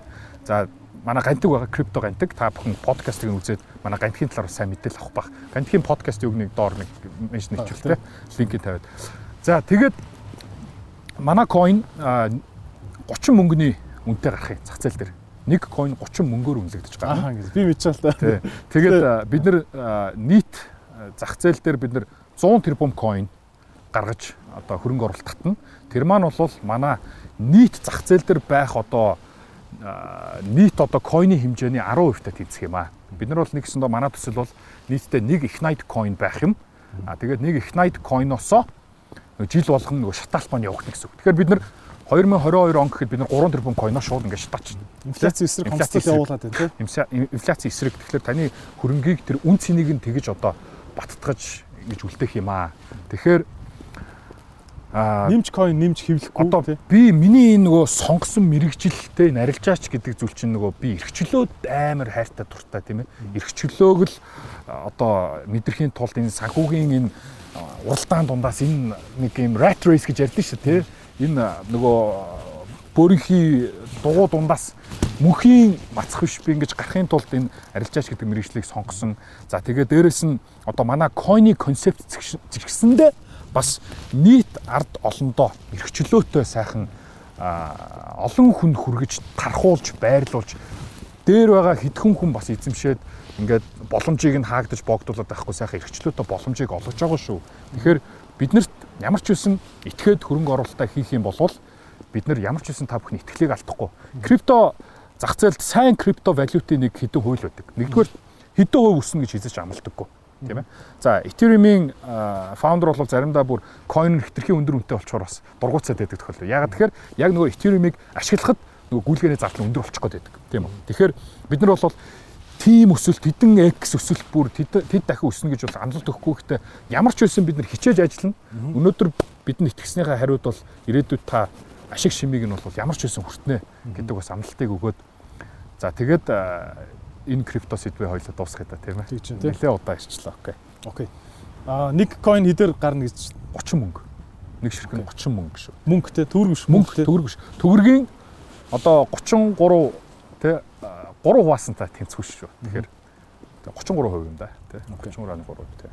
За окей. За хамгийн их эрэлттэй одоо мессежээр их бөмбөгдүүлж байгаа сэдвээ ингээд одоо хай те. За. Тэгээ цаашаа нэмэлт мэдээлэл авах юм бол мөгчингийн хаягийг дагаараа. За а, мөгчөн одоо трейдинг гэж яриад байгаа. Одоо энэ арилжаа гэж яриад байгаа тийм. Ер нь бол бас нөгөө одоо социализмын үеэсээ болдог ч тэр юм уу нэг юм наймаачин панцчин нэг юм хум зарсан тийм ингээд гараараа чи өөрөө очиж ширээ хийгээч. Ингээд ширээ хийсэн хүнийг их үнэлдэг. Тэгээ тэр ширээг авчиж зарсан хүнийг болохоор нэг юм наймаачин стилтэй гэж их жоох юм сүргээр харах гад байдаг юм шиг надад санагддаг. Одоо манай нийгмийн одоо нэг А гэтэл бол израилчууд бол эсрэгээр байдаг те. А чи юмыг үнэхээр үн цэнийг нь үнэхээр өндөрт бариад үнтэй зарч чадчихвэл чи вау. Чи лак хүн гэж ярьдаг те. А чиний хувьд яагаад энэ трейдер болсон юм бэ тийм үү? Мгм. А энэ одоо мэрэгчлэрээ чи хэр бахархдаг вэ? Мгм. Айс. За Ямар үндслээр одоо бахархдаг юм те? би яагаад арилжаач болсон бэ гэхээр э, арилжаа гэдэг зүйл нь бол яг концепцийг нэг тайлбарлаж байна тийм ээ. Арилжаа гэдэг зүйл нь юу юм бэ гэхээр өдөр болгон дэлхийд дээр маш их үнэт цаас арилжагдж байдаг. Одоо жишээ нь 11 мянган cryptocurrency байна. За Нью-Йоркийн stock exchange дээр бол хэдэн мянган хувьцаа байна. Дээрээс нь улс орны валютууд гэдэг маш их зүйл байна шүү дээ тийм ээ. Энэ болгоно нь өдөр болгон эдийн засгийн эрэлт нийлүүл тухайн өдрийн тухайн минут секундын эрэлт нийлүүлэлтийн хуулаараа ханш нь хэлбэлцэж идэг. Тэгэхээр тэр ханшийн одоо зөрүүнээс ашиг хийх концепцийг л арилжаа гэдэг. Миний хувьд тийм ээ хөрөнгөний зах зээлийн арилжаа гэж гэдэг. Тэгэхээр хямдхан байхад нь аваад үнэтэй зарах эсвэл үнэтэй байхад нь зараад хямдханаар авах гэж. Тэгэд а, яагаад арилжаач болсон бэ гэхээр би юу яасан юм л да. Зовж зовж ингээд өмнө би ч нөгөө iPhone зардаг байсан. Тэгээд айгүй их iPhone зархаас өмнө зөндөө бас хүнд хүчээр хөдөлмөр Америкт эрхэлж исэн. Анх ресторанд ороод одоо 0 угааж л эхэлж байлаа шүү дээ. Аягтаа угаагаал 0 угаагаал. Тухайн үед 17 тоо хүүхэд хүмүүсийн ингээл өтхөн тэ шингэн цэвэрлээл. За би насаараа ийм ажил хийхгүй юм шүү л гэж тухайн үед өөртөө амлалт өгч ирсэн. Тэгээд дараа нь би их сургуульдаа сураад тухайн үед их сургууль сурж байгаа үед iPhone-а зараад ингээд их сургуулийн төлбөр зардал мөнгөө төлөөд ингээ өөрийгөө боловсруулсан. А тэгээд би боловсрохдоо тэр хугацаанд би энэ арилжаа гэдэг зүйлийг сонирхоод Forex гэдэг зүйлийг сонсоод мэдээд судлаад тухайн үедээ ингээд жоохон олсон мөнгөө хийгээд алдчихдаг ингээд нэг юм trial error буюу нэг туршиж үзээл ингээд яваалаад өгсөн. А тэр хугацаанд би юу олж харсан бэхээр а энэ боломжтой юм байна шүү гэх. Би өнөөдөр 500 доллар алдаж байгаа бол миний 500 доллар хин нэг хийж байгаа тийм үү? Би тэгэхээр 500 доллар хийж чадах өнцөгт нь би гарч иж чадах юм байна шүү гэж би тэгэхээр өшөө судлах хэвээр суралцах хэвээр энэ бол болоогүй зогсоогүй гэж хичээсээр хичээсээр байгаад тэгээд их сургуулаа төгснөхийн дараа би нэг хөрөнгө оруулалтын санд ажилд орсон. Хөрөнгө оруулалтын санд ажилд ороход бол яг сайхан нэр хүндтэй компани Russell Investments гэдэг одоо одоо Америкт дөрвөн том индекс байдаг. Тэрний нэгийг нь бүтээсэн хөрөнгө оруулалтын сан баггүй юу? А тэгээд ажиллахад бол яг нөгөө 9-өөс 5-ын хооронд очоод ингээд ажилдаг. Тэгээ би яг ингээд хүний даалгасан зүйлийг л хийдэг. Тэгэхээр би өөрөө нөгөө багаасаа их эрхчлөөтэй эрхчлөө нь хайртай дуртай. За тэгэл өөрийнхөө хүссэн зүйлийг хийхийг мөрөөддөг хүн байсан учраас за би өнөөдөр энд авж байгаа цалингийн хэмжээгээ би арилжаанаасаа гаргаж чадах юм бол би өнөөдөр хүсснээ хийж эрхчлөөг мэдэрч амьдрч чадах юм байна гэж би ойлгосон. За тэгээд тийм ч учраас тэрэндээ маш сайн суралцаж явж исэн нөгөө хөрөнгө оруулалтын санд ажилд орохдоо би ерөөхдөө ингэ суралцаад явж исэн байгаа шүү дээ. Арилжаа хийгээл тэгээд тухайн үедээ нэгч мундаг бас ашиг руу орохгүй л явж. Тэгээд би iPhone зараад нөгөө төлбөр мөнгөө төлөөд ингээд бас нэг хөрөнгөлөлт үүсгэсэн байсан. Тэр мөнгөөрөө арилжаа руу бол эцэс буц буцалтгүй надад буцаж харах зүйл байхгүйгээд би хөрөнгө оруулалтын Full сангаас time, тий. шууд ажилласаа гараад тэгээ би 100% тэр арилжаандаа бол анхаарлаа төвлөрүүлж эхэлсэн. Хэдэн доллартай орох уу анх? Анх эхлэхдээ би 50 мянган долларт орсон. Ягаад тэгэхээр би нэг өмнө ингээл 500 доллар хийгээл инхээр нөгөөдгөө ингээ тэ нэг менеж хийж чадахгүй. А 50 мянган доллар болохоор нэг удаагийн арилжаанд тийм ээ? Би нэг хувийн эрсдэл гаргаад 500 доллар эрсдээд 1000 долларын төлөө арилжаад 1500 долларын төлөө арилжаад явхад бол надад боломжийн санагтаад. Тэгээ би ер нь би чинь ер нь чи мэдэн штэ entrepreneur хүн тийм ээ? Анх ингээд бизнес эхлүүлдэг хүмүүс болж бас жоохон risk taker-уд байдаг. Эрсдлийг мэдээж хүлээж авч иж тэрний өндөр эрсдлийг хүлээж авч иж тэрний үр өгөөжийг нь хүртдэг тийм үү? Тэгэхээр би бол тухайн үед өндөр эрсдэл гаргасан уу гаргасан гэхдээ надад тоглоомын дүрмээ сайн судалсан байсан би сайн боловсрсон байсан, сурсан байсан, өмнө нь би алдчихсан байсан тийм ээ. Би бол алдаа болгоныг learning одоо experience буюу сурж байгаа туршлага гэж хүлээж авдаг тийм ээ. Тэгж хүлээж авсаар байгаад би тухайн үед бол хэдийн ингээд нэг боловсрчихсан хүн л 50 мянган доллар төгрөг ингээд орсон байхгүй. Тэгээд одоо үлдсэн нь бол түүх болч тээ.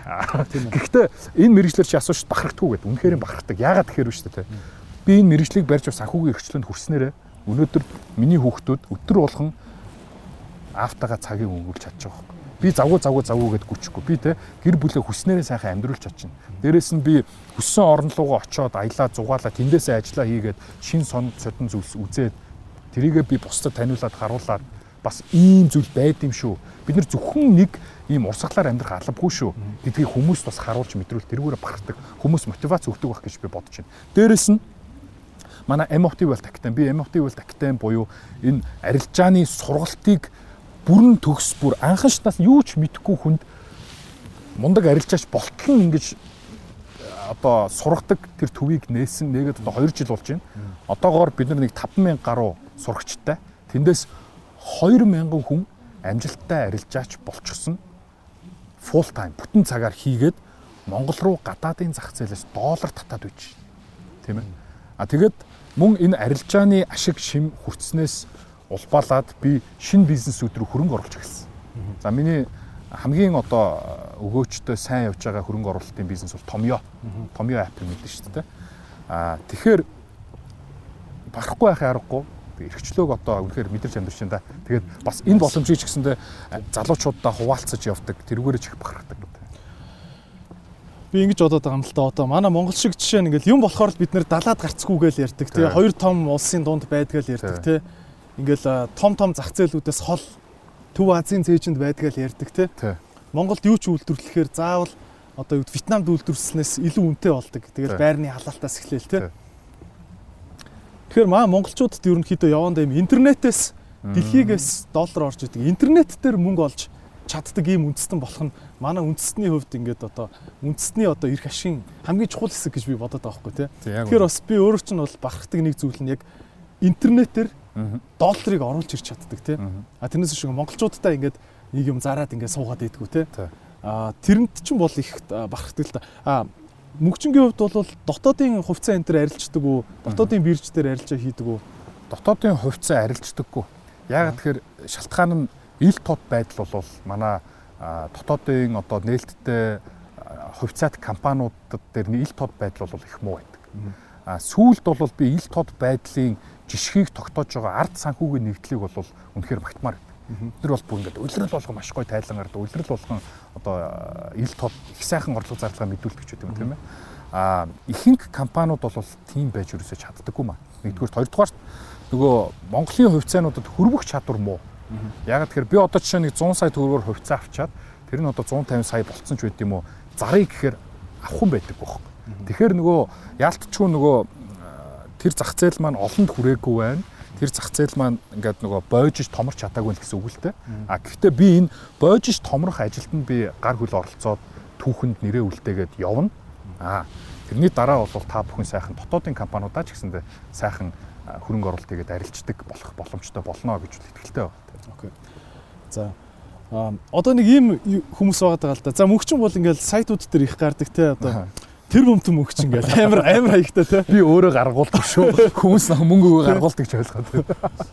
За тэгэхээр яг нөгөө инфлю одоо Instagram дээр нэг иймэрхүү одоо худлаа худлаа одоо юунууд гэх юм бэ худлаа интернетийн хөрөнгөтнүүд гэх юм уу те. Худлаа баян юм шиг. Худлаа баян юм шиг амар ингэж лаглаг брендинг хувц өмсч зураг ахуулж жүжиглчээд тэнгүүтээ би яаж баяцснаа та нарт зааж өгье гингүүтээ тэдэн долларын сургалт энтергээд өөр яг юм дэр сургалтынхаа мөнгөөр амьдэрдэг те яг үндэ тэр цаана интернет бизнес байдгүй тийм хүмүүс байдаг л та те а тэгэхээр магадгүй одоо мөнгчөнд бол мөнгчингийн одоо хувийн санхүүг шагааж үсэх юм биш те а итгэхгүй байгаа хүмүүс биш магадгүй те бага бага а за тийм хүмүүст одоо жишээ нь хандаж гэж хэлэх вэ? А чамаг одоо яг real интернетээр яг ингээд доллар оруулж ирдэг гэдгийг чи одоо Яаж мэдх юм те? Аха. За Наадах чи угаасаа бүр классик скам шүү дээ интернет дээр явагддаг те. Нэг нөхөр ингээл амар брендинг хувц өмсөөл ингээл машин тэрэгтэй поз хийж байгаа л тэгж байгаа л хүмүүс би өстө яаж юм болсон зааж өгье интернет дээр ийм маркетинг хийгээд олдог ийм юм зараад олдог тэгээ Shopify дээр нэг ийм тавиад мөнгө олдог гэл юмнууд заадаг. Аа би болохоор анх намайг хүмүүс анх мэдхийн л iPhone iPhone зархаас л мэдэн тийм ээ. Тэгэхээр нэгдүгээрт би угаасаа багасаа л одоо олон жилийн өмнөөс хөдөлмөрлөж ирсэн.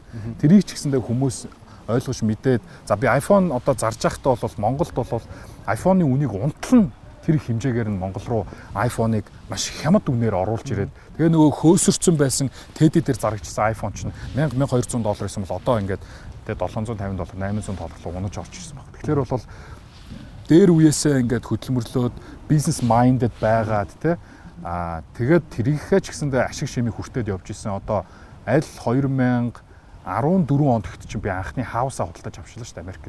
Тэгээд яг бэлэн мөнгөөр өөрийнхөө хүссэн спорт машинаа худалдаж аваад ингээд унаад сайхан ингээд амьдарч ийлаа.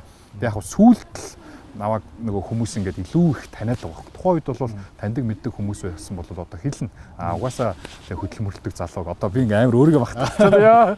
За яг тэгэл одоо яг тий. Тэгээд Америк би арилж байгаа хийгээд ингээ чимээгүй байжсан бохгүй би бүр нэг хэсэг одоо миний инстаграм чинь миний бүр 6 7 жилийн өмнөөс ашигласан инстаграм биш.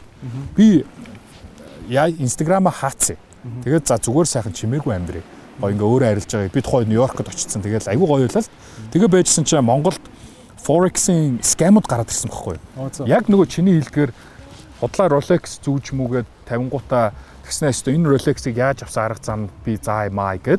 Тэгээ сарын 100 долларын төлбөртөө нэг юм явуулаад тэгснэ 1000 долларын үнэтэй сургалт мургалт хийгээл. Тэгснэ дараа нь хүмүүсээс би мөнгөж өсгөж өгье гэж авангуудаа зүгтцсан. Нэг залуу байгаа. А дараа нь нэг залуу гарч ирэл би бол өстой амар арилждаг ийм өндөр ашигтай арилждаг гэд хүмүүсээс мөнгө аваад сарын одоо 30% ашиг 50% ашиг амлаад. Тэгээ бас ингээд мөнгөний одоо алдсан залуу байгаа тийм ээ. Тэр бол ингээд амар олонд хүрсэн бохгүй би тэднийг хараад За би гарч ирж одоо ийм юм зөв голдролохоор явуул эн чинь ийм байдэн шүү гэдгийг би харуулж таниулахын тулд сүүлд одоо 19 оны 1 сард инстаграмаа буцаж шинээр нээж гарч ирсэн байхгүй юу. Тэгээд угаасаа л миний байгаа л одоо тийм би надад э, одоо бэлэн мөнгөөр авсан Tesla байна, Benz байна, одоо Rolls Royce маань ирж байна те. Тэгэхээр ингээд нэг юм худлаа жүжиглэх угаасаа тийм арга зам надад байхгүй. Аа А чи тэгэхээр скамнуудыг скамнуудыг таниулах гэж бас скамнуудыг таниулах гэж анх гарч ирсэн. Тэгээ манай нөгөө MOT Wealth Academy чинь үүсгэн байгуулсан шалтгаан бас тийм байхгүй. Хүмүүс өстэй тэргүй forex руу амар шуураад байдаг угаасаа амар сонирхоод байгаа. Тэрийг хүмүүсийн сонирхлыг хүчээр барьж чадахгүй шүү дээ. Тэгэхээр тэрэн дээр ингээд улбаалаад ингээд тэрийг ашиглах гад айгүй их скамууд гарч ирээд байсан учраас би за наадах чинь ийм байдаг юм шүү, ийм системтэй ингэж явдаг шүү. Эрсдлийн менежмент ингэж хийд юм шүү. Ингэж арилждаг юм шүү гэд системтэй би ингээд сургалт боловсруулад тэгээд нэг жоохон мөнгөөр л одоо зараад чи үнгүй байх юм бол хүмүүст үн цэнэгүү. Тэгэхээр нэг жоохон мөнгөөр зараад тэр ихэнх мөнгөж тэгээ баг э, сайн үлсийн аймаа 9 шүдэн рүү ингээл явдаг тоо. Тэрнээс бол нэг мөнгө хараад байдаггүй. Аа яг одоо цэвэр арилж байгаараа бол амьдрдаг. Хөрөнгө оруулалтуудаас амьдрдаг. Аа тэгээд тэрийг бол угаасаа манай одоо MFT Wealth-ийн мянган мянган залуучууд бол мэднэ. Яагаад тэгэхээр миний хийж байгаа арилжааг тэд нар бас дөөрэж арилждаг хөөх заримдаа. Тэгэхээр Угаасаа миний өгсөн дүн шинжилгээ одоо Telegram channel гэдэг зүйл байдаг. Тэнд маань манай сурагчдаас нөгөө active bank full time арилж байдаг хүмүүс ороод ирчихсэн байгаа. Тэднэрт одоо би өнгөрсөн 7 хоногт чинь 6 удаа дараалсан амжилттай ашигтай арилжааг хэлж өгч байгаа байхгүй. Эндээс ингээд орчих юм бол энэ ингэж явах нь шүү. Эрсдлээ зөв менежмент хийгээрээ ийшээ ирэх юм бол эрсдлээ хаагаад гарах хэрэгтэй гэд бүх юмыг нь хэлж өгөөд сургаж заагаад тэгээд намайг дагаад ир чин хэдэн зуун залуучууд Монгол руу одоо доллар оруулж ирж шүү тийм ээ. Тэгэхээр яг уу итгэхгүй хүмүүс байна үз. Итгэхгүй хүмүүс угаасаа л байдаг. А гэхдээ цаг хугацааны эрхэнд энэ бол угаасаа хүмүүс хүлээн зөвшөөрөгдөөд танигтаад явах зүйл. Тэгээ би анх 19 онд гарч ирэхэд намайг хүмүүс тэгжлээсэн л та худлаа мудлаа гэд. Тэгэхэд би тэр хүмүүст хэлчихсэн тухайн үед цаг хугацаа гэдэг айгүй гой шалгуур байдаг шүү дээ. Одоо энэ тухайн үед нөгөө надтай хамт гарч ирээд скам хийжсэн гарууд байхгүй болсон. Бүр сурагт байжиг байхгүй шүү дээ. Одоо тэгээ бүр ингээ хэрэг мэрэг гэдэг лөөр хэлээд байгаа шүү дээ. Лөөр. Тэгээ хэрэг мэрэг үсээ явж байгаа. Тэгэхээр дахиад нэг 2 жилийн дараа намайг хараарай. Дахиад 5 жилийн дараа хараарай. Нөгөө өнөөдөр ярьжсэн зүйлийг хийцэн байх болно бүр илүү хэмжээнд оччихсан байх болно тийм ээ 10 жилийн дараа хөрөнгө оруулалтын сан маань амжилттай явцсан байх болно тэгэхээр цаг хугацаа гэдэг зүйлээр л одоо батч харуулах байх та. Түүнээс ингээд за яг банкны дансаа гаргаад одоо харуулах гэж байна. Гэтэ би банкны дансаа гаргаад харуулах юм бол миний харилцагт мөнгө байхгүй. Аха. Ягаад тэгэхээр би харилцагт мөнгө байлгах надад ямар шалтгаан байхгүй. Нөгөө ч чинь үнцэнээ алдаад унаад байж штэ тий. Тэрний оронд би бол мөнгийг дандаа өөрийнхөө төлөө ажилуулчихдаг. Бирж дээр үү? Крипто Nice. Крипто зах зээл дээр хувьцааны зах зээл дээр гадаад валютын зах зээл дээр энэ гурав дээр бол миний мөнгө байнга тогтмол хэрэгжиждэг. Бүх мөнгө. Миний бүх одоо хөрөнгийн одоо 99%. Нэг хувь нь ингээд өнөө маргааш юм аа яах гэдэг нэг харилцах данс масантай байждаг тий. Тэгээ мэдээж улс орондоо бол сайхан бахархалтайгаар татвар төлөөсөө төлдөг тий. Аа тэгээ би бас нөгөө ягаад Америкаас нааша Монгол руугаа бас нүүж ирсэн шалтгаан нь бас нэг баш том шалтгаан манай Монгол яг одоо энэ нөгөө гадаад арилжаа хийдэг интернетээс мөнгө олдог залуучуудад бол татварын маш таатай орчинтай. Хүн амын орлогын орлогын албан дотор 10% төлөөд болно шүү дээ. Гэтэл би Америкт 40% татвар төлдөг гэсэн юм. Тий. Тэгэхээр бас боломж бол үнэхээр юм байгаад байгаа. Тэр тэрийг зүгээр одоо манай трейдер ихмээ тийм ээ бас хүмүүст бол бүр ингээд үнгүү олон жилийн турш үнгүү зааж сургаж ингэж явсан байдаг. Тэгээ өөрөө нөгөө олон нийтэд гарах тийм дуртай биш байсан учраас ингээд хүмүүс нэг мэддггүйс одоо бол бүр ингээд олон нийтэд нээлттэй гарч ирээд одоо бас зүгээр эрхмээгийнхаа инстаграмыг бас нэг тавьчихвал зүгээр тийм тийм. дагаараа их гоё их гоё зөвлөгөөнүүд бол өгдөг. Яг энэ арилжаа тал руу хөрөнгө оруулалт тал руу. Тийм байна. Тэгэхээр одоо тэгэл дүгнээд хэлэхэд нэрээ үнэхээр цаг хугацаад харуулна да. Тэгээд Мөнх чин одоо ингээд яаж штэ. За forex forex гэдэг чинь миний ойлгосноор валютыг арилждгийг forex гэж нэрлэдэг байгаа тийм үү? яг одоо forex дотор өшөө зөндөө юмнууд орцсон. Анх бол зөвхөн валютын арилж байсан бол алт, крипто, за тэгээд компани хувьцаанууд, за тэгээд тэр чинь бол яг нөгөө forex-ийн брокер л бид нарыг нөгөө арилжих боломжоор нь хангаад байгаа байхгүй юу? Дэвшилтэд брокерүүд энэ интернетийн ачаар тийм ээ. Тэгээд нөгөө индексүүд орцсон байдаг. Тий. А гэхдээ урт хугацааны хөрөнгө оруулалт хийхдээ бол forex-аар дамжиж хийхгүй шүү. Тэрийг бас анхааруулъя. Тэрийг бол хөрөнгө оруулалтын нөгөө брокер гэж тусгай брокер байна тийм ээ. Манай Монголд одоо TDB Capital, Голомт Capital, за ингээ Apex энэ тэгээ зөндөө брокерүүд бас байгаа шүү дээ. Тэднэр дамжиж тэр яг хувьцааг битээр нь худалдаж аваарай. А нөгөө forex broker дээр байдаг тэр зүйл чинь болохоор нөгөө богино хугацаанд ханшийн зүрхнээс ашиг хийгээд гарах зорилттой юм байдаг шүү. Тэгэхээр тэр хоёр бас ялгаатай. Тэгэхээр forex гэдэг тэгэхээр зөвхөн одоо гадаад валют биш болсон. Миний ихэнх одоо forex-ийн арилжааны бараг 90% ашиг Америкийн S&P 500 индексийн арилжаанаас гардаг шүү. Тий. Тэгэхээр одоо би нэг бодлоо бас индекс арилжаа чинь чих юм уу те. Тийм ээ. Forex дөрвчих юм байна те. А зарим хүмүүс болохоор зөвхөн одоо нөгөө commodity гэдэг эд материал арилждаг. Сүүлийн үед одоо коронавигаас ч болоод модны үн одоо модны банзны үн одоо хэд их 10 дэх өссөн юм уу те. Металлын үн болол өсөж чинь те. Будаа ерөөсө бүх юмны үн өсөж чинь. Энэ дээр бас маш олон трейдерүүд ашиг хийсэн баг те. Мгм. А за олон хүмүүс одоо жишээ нь магадгүй ингээд энэ а, бит хоёрын дугаарыг үзэж байгаа нэг те 2 дугаар курсын оюутан ч юм уу нэг ээж аваасаа авсан нэг юм 500 доллартай ингээд арилжаа хийн гээд ингээд тэрийг магадгүй алтчих магадгүй тийм үү те. А тэгвэл зүгээр чиний одоо магадгүй баримжаагаар гэвэл те жишээ нь 100 хүн төрсний одоо юу гэдэг чинь бүгчүүд бол ингээд ца- цаанаасаа ген ген одоо юу гэдэг чинь өгдөл нь өөр гэхдээ том Тий. биетэй ч юм уу те а арилжаа чи үн цаанаас төрнө гэж байд юм уу эсвэл энэ сурдаг зүйл юм уу одоо 100 хүн арилжаа хийлэг гэд хитэн одоо ингээд амжилтаа явах одоо боломж байдیں۔ А яа яавал одоо амжилтаа арилжаа чинь болох юм. А ямар байвал одоо миний дүү одоо болоо арай өөр ажил хий гэж чи хэлэх вэ жишээ тий. За арилжаач хүн одоо төрн гэдгээсээ илүүтэй би зан характерын төлөвшлийг суулгаж чадах юм бол амжилттай арилжаач болно гэж итгэдэг. А тэнд нэг тодорхой зан характерууд байна. Нэгдүгээр төвчээр. За одоо үнэхээр бүр амар төвчээргүй төрцөн хүн бол арилжаач хийх хэцүү хэцүү. Гэтэ яг төвчээрийг хүн суулгаж болдог байх гэж би бодож байна. Би бол баг бахта өстой жинхэнэ зүгээр сууж чаддгүй айлын хүүхдүүдтэй очиод тоглохоор хоёр давхар орто ах トゥ хоёрын хоёр давхар нь авингуудаа усрээд буугаад усрээд буугаад нөгөө хоёрыг чинь толгоо баг ингэтэл тийм амар сахилахгүй нөхрөөс зүгээр сууж чадгүй бүр ингээд амар төвчээргүйсэн. Гэхдээ амьдрал намайг төвчээртэй болгосон. Аа. Арилжаа намайг төвчээртэй болгосон. Би арилжааг бол маш их нөгөө алдаж онож өөрийнхөө одоо өөрөө өөрийгөө сургасан юм чинь тийм ээ. Тэгэхээр энэ бол төвчээртэй байхгүй болохгүй мэн гэдэг нөгөө туршлагаасаа олоод авчихсан. Тэгэхээр одоо ингээд арилжаачдад энэ төвчээрийн асуудал байдаг. Тэр нь яадгүй гэхээр ингээд нэг юм худалдаж авчаад барьж барьж ийснаа төвчээргүүтээ зарчдаг байхгүй. Тэгвэл зарчингууд нөгөөтг нь өсөө авчдаг. А эсвэл авчингууд унцдаг ч үт юм уу те. Тэгэхээр энэ forex группүүдэрс нэг хүмүүс хэлдэг. Йоо ятлагч яг зарчингууд өсчих юм аа. Яг авчингууд унчих юм аа. Тэгэхээр тэр бол төвчээртэй холбоотой асуудал тийм үү. А хоёрдугаар маш сайн төлөвлөж чаддаг хүн байх ёстой. Төлөвлөхөө. А тэгэнгүүтээ тэр төлөвлөгөөндөө төвчээртэйгээр тогтдог яг төлөвлөгөөгөө дагдаг хүн байх хэрэгтэй. Юу гэсэн үг юм бэ гэхээр яг одоо ханш за жишээ нь алтны ханштай. За яг 1810 гэдэг төвшнийг даваад гарах юм болвол буцаж ирээд 1810-ыг шалгаад ингээд тогтож чадах юм бол би худалдаж аваад 1810-аас доошо 1805 руу унах юм бол би алдагдлаа хүлээж гараад тэр чинь алдагдлаа одоо хязгаарлаж гэсэн үг шүү дээ тийм ээ. Бүр ингээ 1800 ингээ 1700 унчих болно шүү дээ. Тэгэхээр алдагдлаа хязгаарлаад за тэгээд яг ханш дээшээ өсч ирээд энэ төвшөнд ирэнгүүт би зараад гарна гэдэг төлөвлөгөө гаргаад тэгчиж тэр арилж руу ордог хгүй. Яг хөө энийг бол нөгөө манай академи заадаг манай трейдер ихмэж гэсэндээ маш сайн зааж сургаж ид. Тэгэхээр төлөвлөж чаддаг юм байна. Тэр чинь бас хэцүү шүү дээ. Хүмүүс ер нь төлөвлөхгүй шүү альва юм.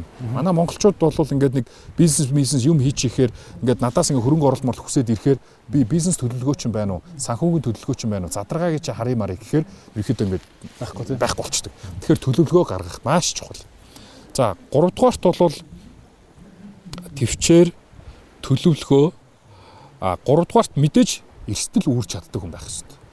Одоо тодорхой хэмжээний айцыг даван гарч чаддаг байх хэрэгтэй тийм ээ. Тэгэхээр энэ нь нөгөө төлөвлөгөө рүү эргээ холбогч нь л та. Чи төлөвлөгөөн дээр бат зогсоод төвчээртэй байж чадах юм бол чамд айц байхгүй тийм ээ. Нэгсэндөө мөнгөө алдах алдаж болох юм руу оруулж байгаа чинь маш том айц тийм үү. Тэгэхээр тэр айцыг даван туулахын тулд төлөвлөгөө хэрэгтэй тийм ээ. А тэгээд мэдээж бас нөгөө натуралны бас риск тейкер хүмүүс гэж байдаг шүү дээ. Рискийг хүлээж авах чадвартай хүмүүс гэж байдаг тийм үү. Тэгэхээр бүр ингээд эрсдэл хүлээж авч чаддаггүй хүмүүс бол угаасаа арилжаанд ороод дими. Анх угаасаа арилжаанд ороход риск капитал буюу алдаж чадах хэмжээний мөнгө заавал байх хэрэгтэй байдаг. Тэр чинь ерөөсөө амьдралд чинь нөлөөлөхгүй. Чи тэр мөнгийг алдчих юм бол амьдралд чинь нэг хүчтэй өөрчлөлт орохгүйгээр тийм мөнгөөр арилжаж эхэлдэг учраас угаасаа риск тейк хийхээс өөр аргагүй байдаг тийм ээ. За тэгээд дөрөвдүгээрт бол бас тодорхой хэмжээний шунал байх хэрэгтэй. Гэхдээ бас шуналгүй байх хэрэгтэй. За. Яагаад тэгэхээр тодорхой хэмжээний шунал байх хэрэгтэй гэдэг нь жишээ нь алтыг 1810 дээр жишээ нь орчлоо гэж бодъё. Үнэхээр 1900 руу явхаар харагдаадах юм бол нэг 1830 40 дээр за за ашигла хэмжээндээ гээд аваад гарчих биш. Бүр тэр яг бүтэн потенциал руу нь явуул. Тим шунал байх хэрэгтэй. Төлөвлөгөөгөө дагах шунал тийм ээ. Аа бас шуналгүй байх хэрэгтэй гэхээр зөв цагтаа шуналгүй байх хэрэгтэй гэхээр тэр нь юм эхээр ханш ингээд унаад ороод ирлээ гэж боддог тийм үү. Унаж орж ирчээд арилжаач алдагталтай явж байгаад ингээд ашиг руу орчлоо гэж боддог тийм үү. А гэхдээ зах зээлийн нөхцөл байдал ийм ойлгомжгүй хэцүү байна. Тэгэх юм бол шуналт хэрэггүй. Тэр арилж байгаа хаач маргааш гэж өдөр байгаа тийм ээ. Тэгэхээр нэг ийм дөрөв төлөвшил зан характер. За тэгээд би одоос яг шууд нөгөө юунаас харахаар мэдэхгүй байна. За тэгээд сонирхож байгаа хүмүүс байх юм бол юу яаж болно? Манай MOT Wealth Academy гэж ороод тэнд үнэгүй хичээлүүд байгаа. Эрсдлийн талаар ялангуяа. YouTube дээр хаана? Манай вебсайт дээр. MOT Wealth Academy-г орох юм бол угаасаа ингээд сургалт мурлал гэдэг introduction байгаа. Тэгээд тэрэн дээр үнэгүй сургалт. Тэрийг үзэх хэрэгтэй. Ялангуяа эрсдлийн талаар тэр сургалтыг. Ягаад тэр хүмүүс нөгөө Forex-ыг за энэ ч гэсэн би бас жоохон буруутай л баг. Нөгөө ингээд амьдралын хэв маяг ингээл гоё машин тэрэг аялж байгаа юм уу ингээ харуулад хахаар хүмүүс маш амархан аргаар ингээд баяжчдсан байна гэж ойлгоод идэв шүү л. А тэгэхээр тэр бол үгүй шүү. Нөө нөө. Нэгдүгээр одоо анхааруулга хэлэхэд тийм ээ. Нэгдүгээрт арилжаанд орох гэж байгаа бол эрсдэл даах чадвартай байх хэрэгтэй. Арилжаанд алдсан ч тийм ээ тэр мөнгөндөө харамсахгүй мөнгө байх хэрэгтэй. Side money гэсэн үг шүү. Хоёрдугаарт төлөвлөгөөтэй байх хэрэгтэй. Тэр төлөвлөгөө нь ямар төлөвлөгөө юм бэ гэхээр эрсдлийн төлөвлөгөө байх хэрэгтэй. Нэг удаагийн арилжаанд хэдэн төгрөг би эрсдэх вэ гэдгээ маш нарийн тооцоолж мэдсэн байх хэрэгтэй. Тэгэхээр манай миний одоо баримтлагдаг дүрэн бол нэг удаагийн арилжаанд нийт дансны 1%. Нөгөө риск капиталынхаа 1%-ийг л эрсдэх нь шүү дээ. Нэг удаагийн арилжаа. А тэгэд арилжаа хийхдээ 1 доллар эрсдэж байгаа болвол дор хаяж 2-оос дээш долларын потенциал руу орох хэрэгтэй. Ингээд хараад дүн шинжилгээгээ хийгээд за би 1810 дээр авчаад түлэн 1870 руу хүрэх юм байна. А би тэгвэл 1805 дээр миний эрсдэл байгаа юм байна гэж орох юм бол тэр чинь юу? 60 долларын төлөө 5 доллар эрсдэж шин. Тэгвэл тэр маш сайн арилжаа. Бизнес ч гэсэндээ тийм үү. 1 доллар эрсдчихэд хүн 30 центний төлөө ашигын төлөө явдггүй шүү дээ, тийм ээ. Аль болох амжилттай бизнес 1 доллараар нугуулахыг хүсдэг тийм үү. Тэгэхээр арилжаа тийм. Өндөр эрсдэл гаргаж байгаа учраас өндөр ашигын төлөө үз. Гэхдээ тэрийг хүчилж ашиг гэх гэсэн үг шүү дээ. Бүр ингээ барайл өндөр ашиг руу оруулна гэдэг зүйл биш. Угаасаа анханасаа дүн шилгээ гараад төлөвлөгөөч гаргахад тийм байх ёстой. Риск капитал, төлөвлөгөө, эрсдлийн менежмент за тэгээд маш сайн суралцсан байх ёстой. Суралцаж арилжаа хий одоо суралцтлаа дор хаяж нэг 3 сарын турш нэг демо данс гэд байдаг. Тэр нь болохоор ингээд нөгөө худлаа мөнгөтэй. Гэхдээ яг жинхэнэ зах зээлийн ханшин дээр ингээд арилжаад явдаг. Тэрийг яг жинхэнэ мөнгө шиг бодож сэтгээд өөртөө ингэж наагаад тэгээд арилжих юм бол тэр чинь бас маш том туршлага бол. Тэгэхээр ингээд э, манай академийн заагаад иддэг манай одоо трейдер ихмэгийн хилээд идэг зүйлс бол бид нар өөрсдөө нөгөө алдаж оноод мөнгөө алдаад бүр ингээд сэтгэл готролд орж исэн ч үе зөндөө байгаа шүү дээ. Одоо манай трейдер ихмээ бол бас их ингээд хэцүү цаг үеийг туулсан. Монголд бас мэдээлэл жоохон хол байсан тухайн үед тийм ээ. Би бол жоохон ойрхон байсан гэж. Тэгээ ингээд ингэчээс учраас тэр нөгөө хэцүү зам э, одоо туршлагыг нь бид нар ингээд арай нэг богинохон дүт арай нэг нөгөө эрсдэл багтай ингээд сургаад байгаа байхгүй тий. Тэгэхээр та нар юу ч мэдэхгүй шууд данс цэнгэлээд арилжаа хийм гэдэг бол тийм юм хизээч байдгүй. Тийм юм байдаг байсан бол өнөөдөр дэлхийд дээрх бүх хүмүүс чинь арилжаад эн чинь бүгдээрээ ингээ ажил хийх хүн байхгүй болоод бүгд арилжаач бол 1000 1000 доллар хийгээл л шүү дээ тий. А тэгэнгүүт чи 1000 1000 доллар хийгээд байгаа юм бол тэр 1000 1000 доллар чи хаанаас гарах юм гэдэг асуудал. Тэр чинь нэг хүнээс гарч ирж байгаа байхгүй цаад. Тэгэхээр яг бас харгас систем харгас одоо зах зээл а нийт одоо шинээр орж ирсэн хүмүүсийн 90% нь 2-7 хоногийн дотор мөнгөө алдаад гараад явдаг. А тэгээ Warren Buffett хэлсэн байдаг. Хөрөнгийн зах зээл яг энэ бол арилжаатай нэг хамааралтай зүйл биш. Гэхдээ энэ цаад философи утга нь аягүй гоё. Хөрөнгийн зах зээл нь төвчээргүй хүний мөнгийг төвчээртэй хүнд шилжүүлэх хэрэгсэл юм а гэж хэлсэн.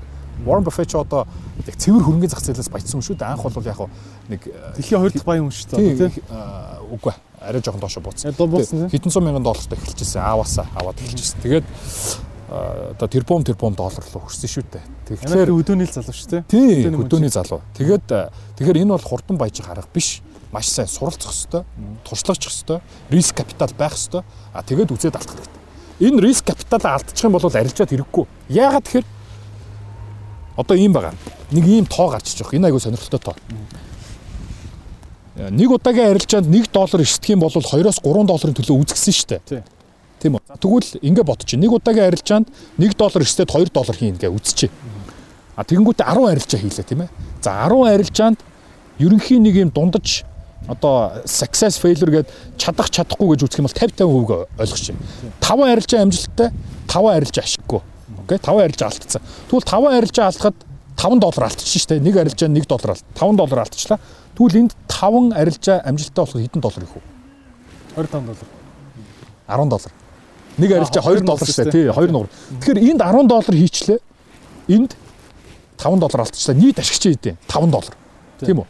Тэгэхээр зүгээр л нэг энэ эрсдлийн менежментийн энэ маш хялбар дүрмийг барихад яг үнэндээ сармагчин ч арилж чадсан шүү сармагчин 50-аад те яг ингээд баруун зүүн баруун зүүн гэл ингээд дарахад 50 50% та арилжлаа гэж бодох те ашигтай гараад ирэх байхгүй.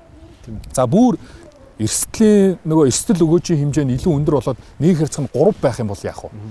Бүр 10 арилжааны 7 нь алдсан ч нөгөө 3 нь амжилттай болоход нийт ашигтай гарч ирэх юм боломжууд байдаг байхгүй.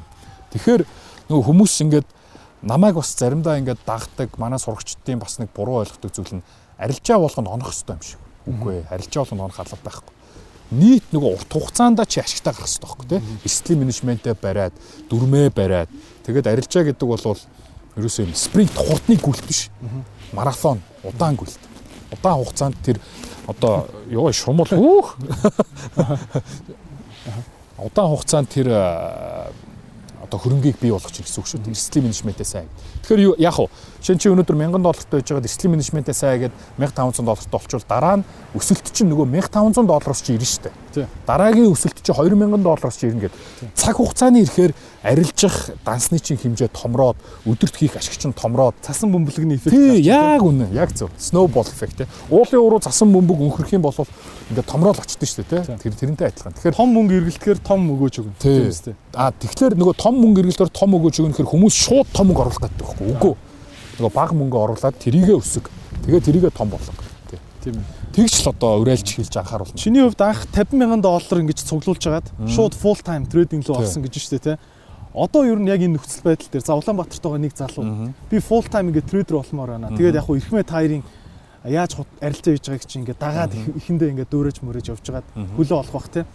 Ингүүл ер нь анх хэдэн доллароос эхлүүл яг ингээ гоё full time амьдралаа авч явж чадах болох. За яг эрсдлийн менежментээс бодоод нөгөө ажлын хажуугаар хийгээд үзэх юм бол зүгээр ингээ тоол угаасаа цэвэр тоогоор л ерөөсөө дүн шинжилгээ гаргана. Би хизээч ингээд нөгөө цээлснээс ярьдаг дандаа тоогоор ярьдаг. Тэгэхээр 1000 доллартай гэж үзье те. 1000 доллартай. За өдөрт нэг удаа нэг арилжаа хий гэж үзье. Тэгвэл 1000 долларын нэг хувийн эрсдэл хийдв 10 доллар тийм ээ. А тэнгуүтээ 10 доллараар эрсдээд 30 долларын төлөө үзээд байл та.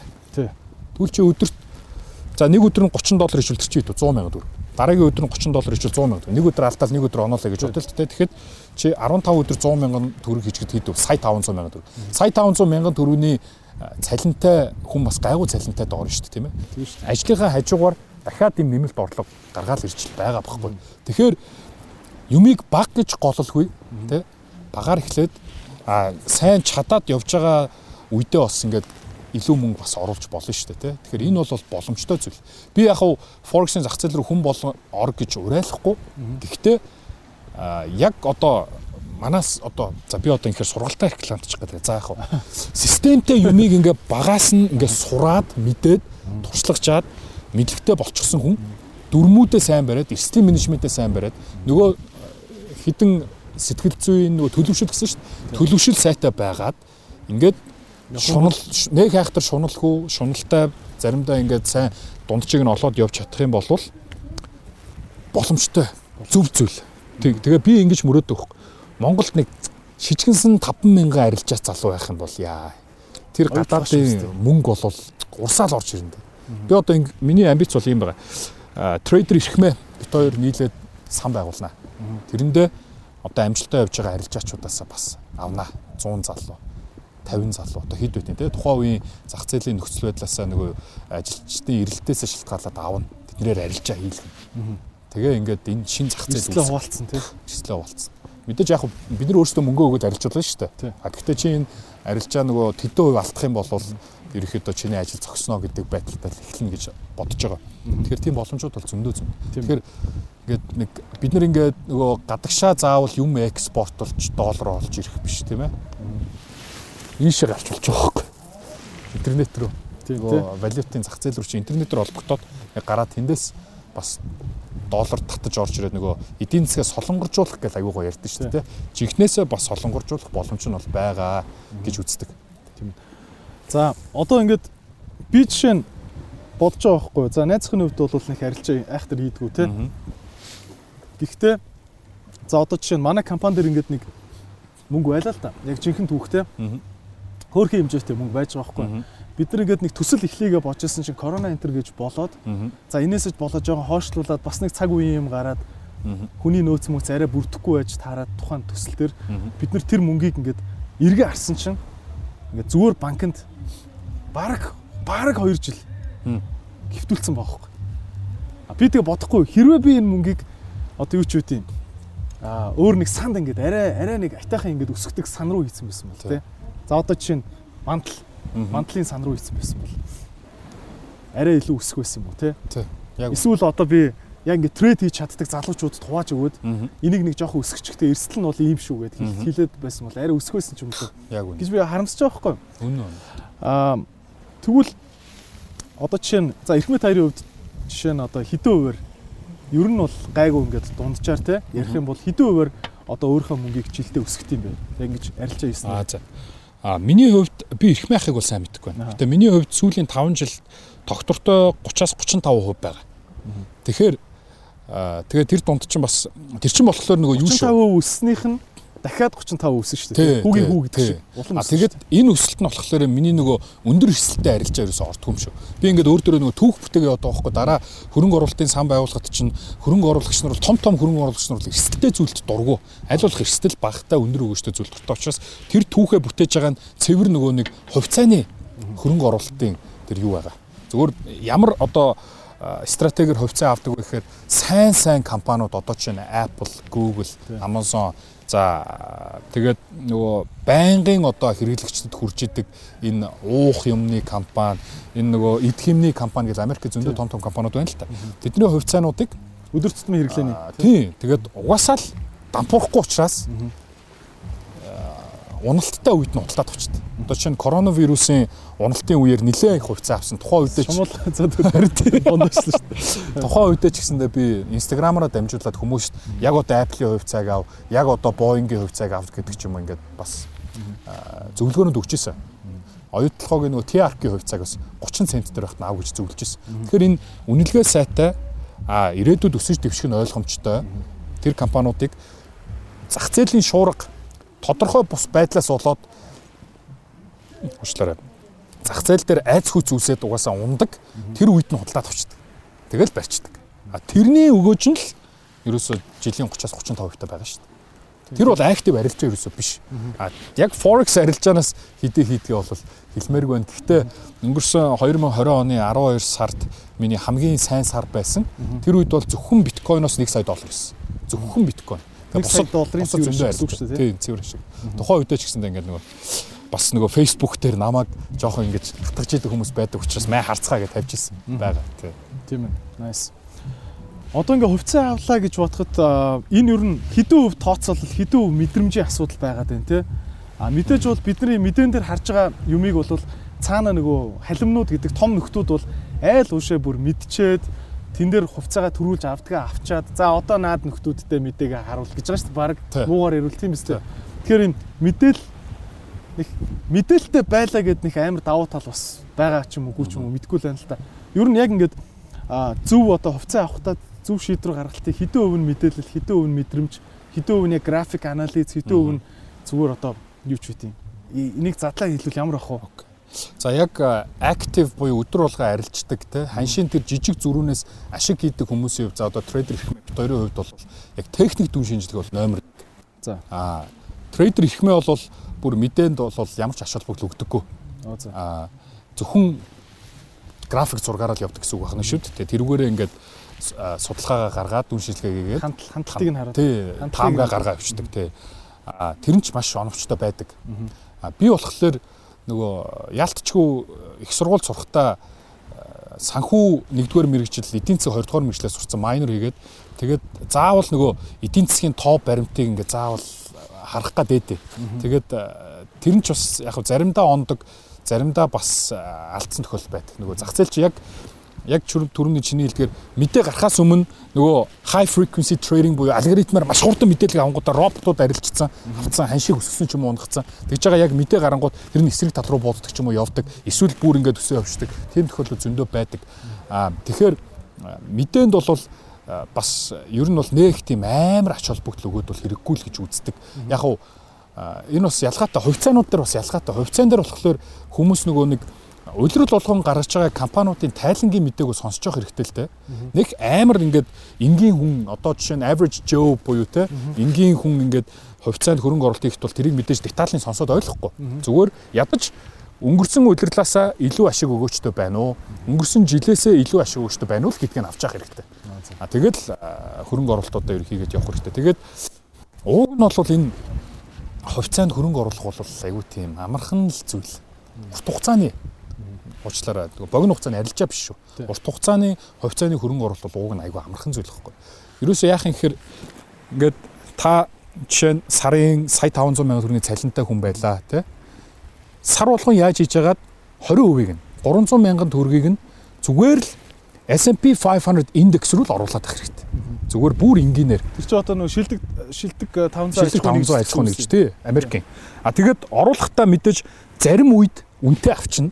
Зарим үед уналтаа үед нь хямдхан авчна. Гэхдээ тэр сар болгон ижил хэмжээгээр авч байгаа чинь ханшийн дундажлалт оруулаад тэгээд тэртээ тэргүүд ажгүй ханшнаар урт хугацаанд харахад ажгүй ханшнаар оршдог. Тэгээд ирээдүйн өсөлт тэр жил болгон явдаг 8-аас 10% өсөлтөө бол барайл явна л гэсэн үг. А гэхдээ яг надад нөгөө арилжаачийн үүднээс нэг жоохон санаа зовж байгаа зүйл нь одоо сая нөгөө коронавирусын араас зах зээл рүү төв банк маш их мөнгө шахаад тэр мөнгөөрөө ингээ бүр хувьцаанууд худалдаж аваад бүр хөлсрүүлээ хийцсэн. Бүр замыг алдуулсан.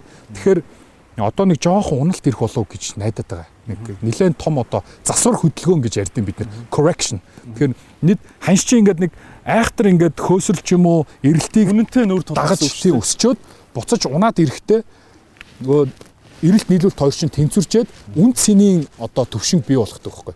Тэгэхээр нэг одоо S&P 500 дээр ч юм уу ерөн энэ Америкийн хувьцаанууд дээр нэг үн цэнийн одоо тэнцвэрийг дахиад нэг шинээр нэг байгуулалт нь жоохон хүлээх хэрэгтэй болов гэж байна. А тийш тэрний дараа зүгээр л саруулхан өстой 300 сая төгрөг хийгээлээ. Хөрөнгийнхөө 20%, сард орж иж байгаа орлогынхоо 20% хийгээлээ. Надад 20 жилийн дараа өстой баярлалаа л гэж хэлэх байна. Одоо нэг ийм ярьдаг болчиход байгаа шүү дээ. Мөнгө нэг юун дээр батчих юм чинь. Нөгөө компани хувьцаа худалдаж авах. Компани хувьцаа худалдаж авах Warren Buffett-ийн одоо хамгийн энгийн бөгөө шилдэг аргачлал байдаг. Тэр нь юу вэ гэхээр үнцийн сайтай сүүлийн 5 жилийн турш ашиг орлого нэмэгдэж яваа компани хувьцааг зах зээлийн шуурга тодорхой бос байдлаас олж уналт үүсэх юм бол худалдаж аваа л гэж.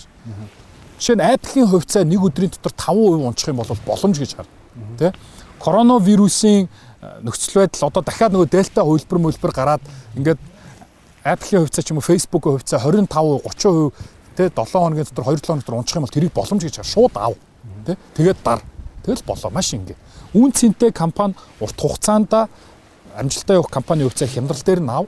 Тэгэл болоо. Авч чадах хэмжээгээр аав. Алдаж чадах хэмжээгээр ш гэсэн үг шүү дээ. Гэтэ хувьцаа бол нэг тийм нэг тийм амар хэсэлтэй зүйл бол биш ээ. Гэтэ тэргүй одоо Apple чинь 2 их 80 долларын үнэлгээтэй компанид та 100000 доллараар хийчээд амар өндөр өрсөл гэж ярьж болохгүй байхгүй. Цаан чин тэнд тэрпом тэрпомаар нь хийчихсэн биднээс илүү ухаалаг туршлагатай хүмүүс санаа зовхгүй суучлага байхгүй. Тэгэхээр энэ үн цэнтэй компаниудын хувьцааг хямдхан үнээр авах юм бол энэ бараг эрсдэлгүй бизнес. Яг тэгэхээр ханш дэше өсөл гараад ирэхэд авсан үн чинь эрсдэлч юм болчих واخгүй. Авсан үн дээр ирэх юм бол би зараа гарна гэж сууч. Тэгэл ямар ч эрсдэлгүй зүйл. А тэгээд урт хугацаанд барай явах юм бол хөрөнгө бол үнэхээр өснө. Тэгэд Warren Buffett-ээс асуусан байдаг хөөхгүй Энэ хөрөнгө оруулагч чинь тэгээд ийм амархан юм бол яагаад хүн болгон хийж чаддгүй юм бэ гэсэн чинь хүн болгон удаанаар баяжхыг хүсдэг юм аа гэж. Урт хугацаанд ашиг өгөөчдөд ингэж төвчээртэй байж чаддгүй л гэсэн. Тийм одоо хүн болохын ер нь хөрөнгө оруулагч сэтгэлгээтэй болоод байгаа тийм үү? Энэ одоо 1000 доллар орлдог байсан ч 300 долларын орлоготой байсан ч тэр хүн ямар нэгэн байдлаар нэг өгөөч нь юу юм энэ гэж асуудаг болчиход шүү дээ. Өөр үе болчиход байна тийм үү? А чиний бодлоор за одоо чи жишээ нь яг одоо ээж аавтайгаа амьдэрдэг нэг 500 доллар яаж хийж байгаа олчдаг нэг оюутан залуу байлаа гэж бодъё л доо. Энэ 500 долларыг чи юм юм руу хийх гээд шүү дээ. А ямар ямар одоо хуваар тэдэн хувийн крипто болоо тэдэн хувийн хувьцаарлуу ч юм уу те чи яаж хуваах байсан бэ ер нь? За за тэгвэл хамгийн түрүүнд криптогоос эхлэе. За. Одоо cryptocurrency нэг юм хүмүүс нэг юм үнэн худлаа итгэх итгэхгүй гээл нэг юм яваад штэ те а манай монголчууд бол бас энэ дээр их эргэлзээтэй байгаад байгаа тэгвэл саяхан германы санхүүгийн зохицуулахороо германы нийт хөрөнгө оруулалтын сангуудын те мөнгөнийхөө 20 хүртэлх хувийг крипто зах зээл рүү оруулж болно гэд зохицуултыг хийгээд өгч зөвшөөрчлөө шүү. Тэр нь юу гэсэн үг юм бэ гэхээр нийтдээ бараг 300 тэрбум доллар зөвхөн Германаас крипто руу орох боломж нь бүтэж байгаа. Goldman Sachs гэж э, Америкийн бас э, маш нэр хүндтэй маш одоо престиж удаан хугацаанд байсан хөрөнгө оруулалтын одоо банк болвол нийт одоо хөрөнгө оруулагч нартай портфолио буюу багцынх нь 10 хүртэлх хувийг крипто санал болгоно гэд хүлээн зөвшөөрчлөө тийм ээ. Аа тэгэхээр миний хувьд алдаж одоо залуу хүн залуу хүн биш үү те. Ялангуяа ээж автагаа амьдрдаг. Одоо ууг нь манай монголчууд аюу гой боломж өгдөг хгүй. Залуучууд Америкт бол 18 хөрөнгөт нь хөөж гаргаал нөгөөдөл чинь түрээс мүрээсээ төлөөд хамаг тэг сар болгоны зардлаа өөрөө төлөх хэрэгтэй бол аюу хэцүү. А гэтэл Монгол залуучууд зарим 30 хүртлээ аав ээжтэйгээ байдаг те. Ерөө өөрөө сайн дураа гарыг лаав ээж бол байж ийл гэдэг дээ шүү дээ. Тэгэхэд тэр цалингүй шүү дээ те. Тэр бол өстой бүр зардалгүй амьдарч байгаа байхгүй. Аав ээж хоол өмсөйг бэлдэж. Тэгэх юм бол манай залуучууд тэрийг бол зүгээр сайн хөрөнгө оруулах хэрэгтэй, хуримтлуулах хэрэгтэй. А залуу хүн 30 хүртэлх насны залуу хүн сарын зардал чинь нэг амар биш болвол 40% хүртэл ерөн баг криптод хөрөнгө оруулах хэрэгтэй гэж би зөвлөмөр. Тэ. Угаасаа крипто бол амар явна. А тэгээ үлдсэн 60%-ийн нь 40%-ийг хувьцаар үйч Америкийн хөрөнгө оруулалтын тэ нөгөө багц руу ичих S&P 500 амар амархан. Та нар TDP капитал данс нээж болно, голомт капитал данс нээж болно. Эсвэл өөрсдөө интернетээр Interactive Brokers гээд Америкийн хамгийн том брокер данс нээжж болно. Тэгэл мөнгөө үйгээд Монголын брокерт бол залгаад SPY, SPY тэ S&P 500 100-ийн нөгөө интернетжүүлсэн ETF бохгүй. Exchange Traded Fund гэдэг. Тэрийг авъя гэж хэлчих. Тэгэл болоо. Өөр юу ч шаардлага. Тэгэл хөрөнгө оруулж байгаа байхгүй. Энэ бол тийм амар хэцүү зүйл биш.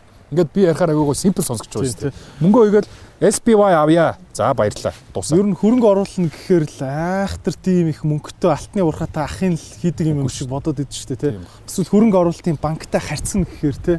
Тийм. Брокер руу ярина гэхээр нэг юм хизээч оюутан хүн залгаж болохгүй юм шиг бодоод идэв шүү дээ тий. Ер нь 1000 доллартай байсан. Боломж капитал дээр данс начил сайн байна уу? Автоматрын мөнгөчин байна. Тэ утасны дугаар тэр тэр тэр данс. Аа за. Бараг залангуй ч мэдж байгаа дуу утасны дугаар чи ингээл гараад ир. Тэгэл за тийм хувцас авъя. Эсвэл SPY авъя.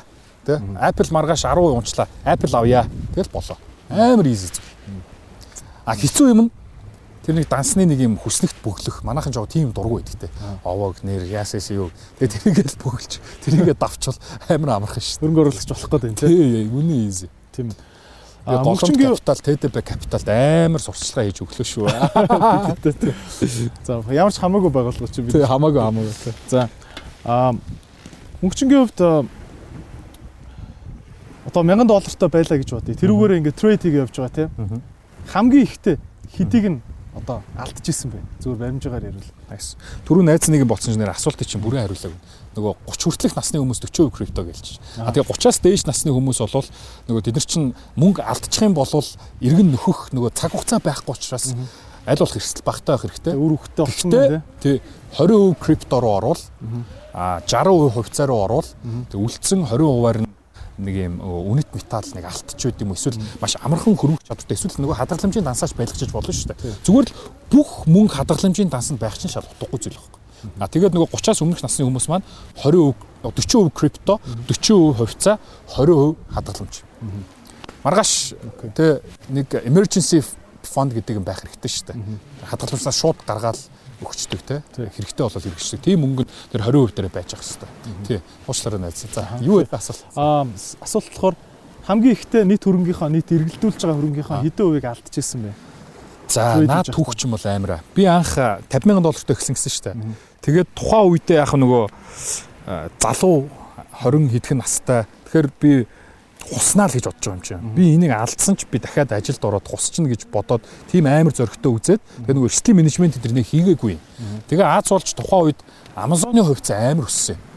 2 2 2 нуурч исэн.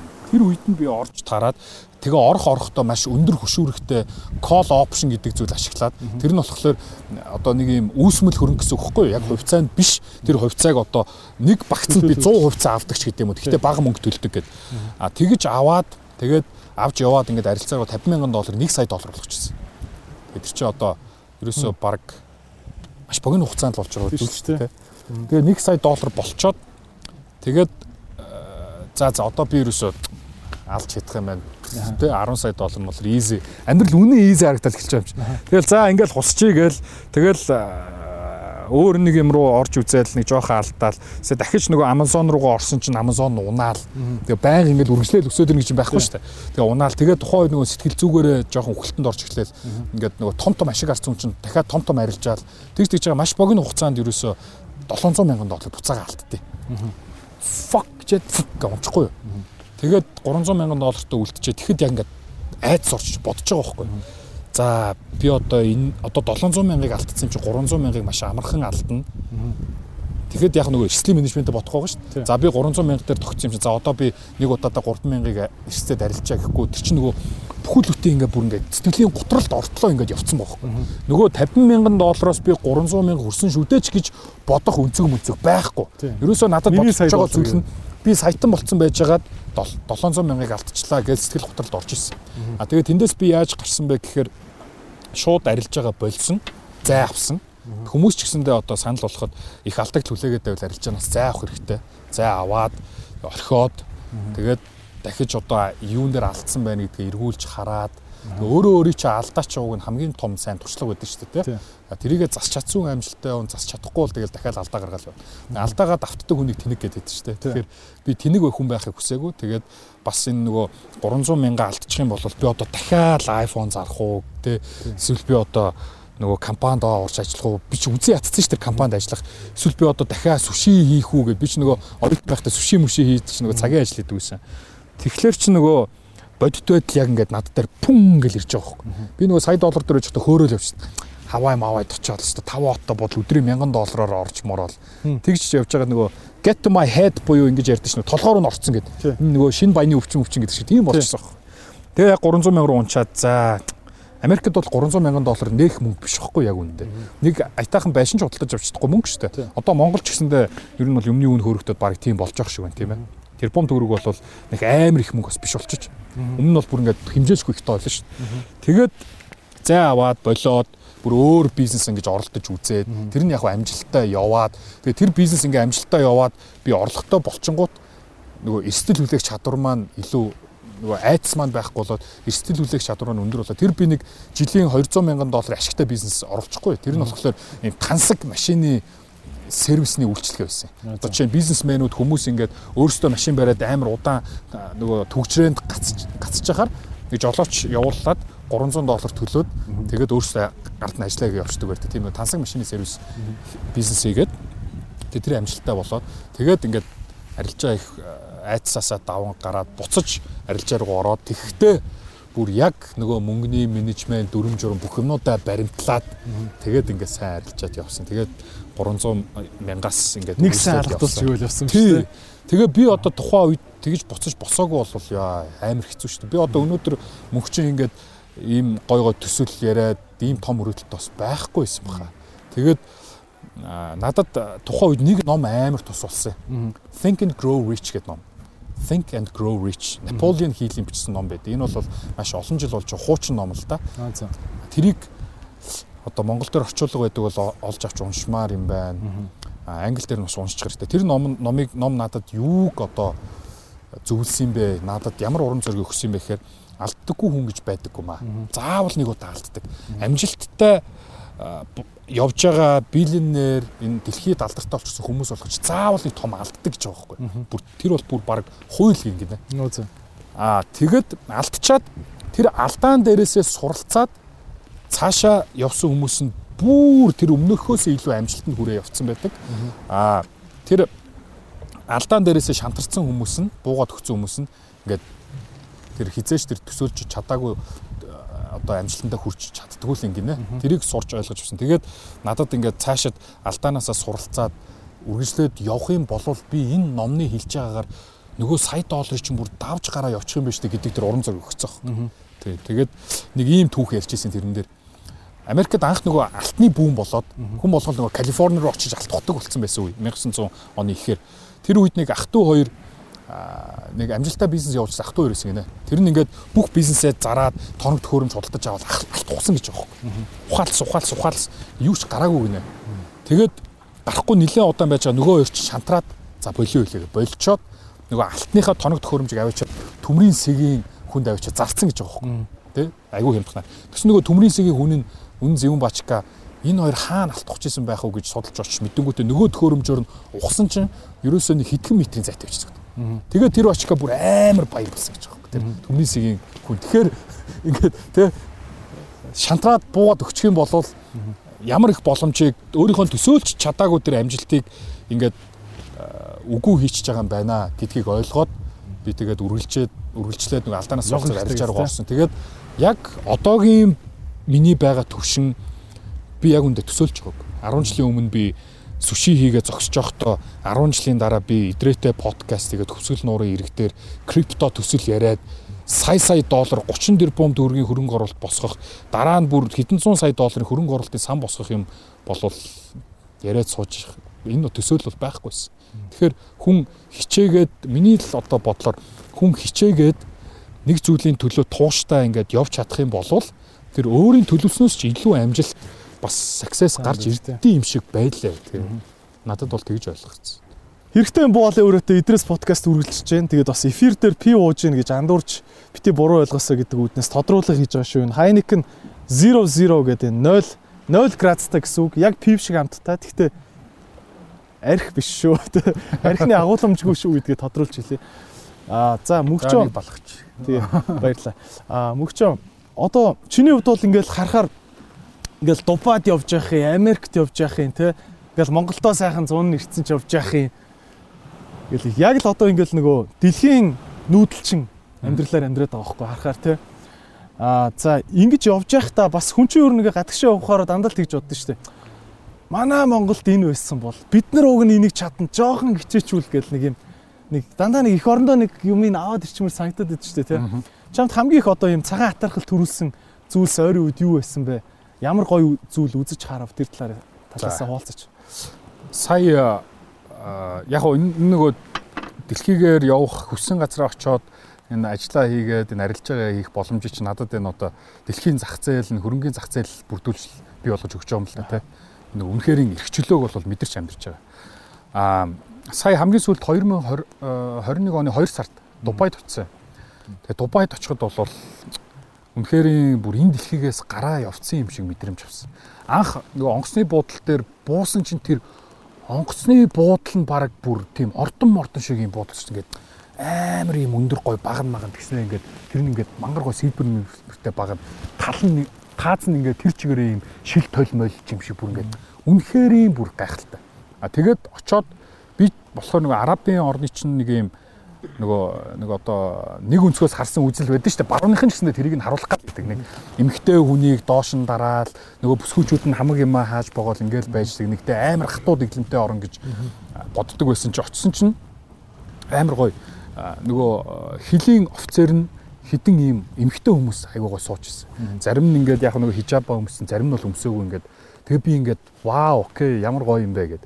Тэгээд ингээд цаашаа яваад Дубайд ороод ингэсэн чинь нэг тийм шин Америк юм шиг. Би Америкт анх очоод нөгөө айгүй олон үндэстэй ингээд нийлцсэн, нэгтцэн газар их гой санагдчихсан бол Дубайд бүр тэрнээсээ хэд дахин илүү ямар ч бүр арьс өнгөний үзэл байхгүй хүн болгоныг нэг гоёор хүлээж авсан үйлчлэгээ маш сайтай үнэхээр тасарсан газар.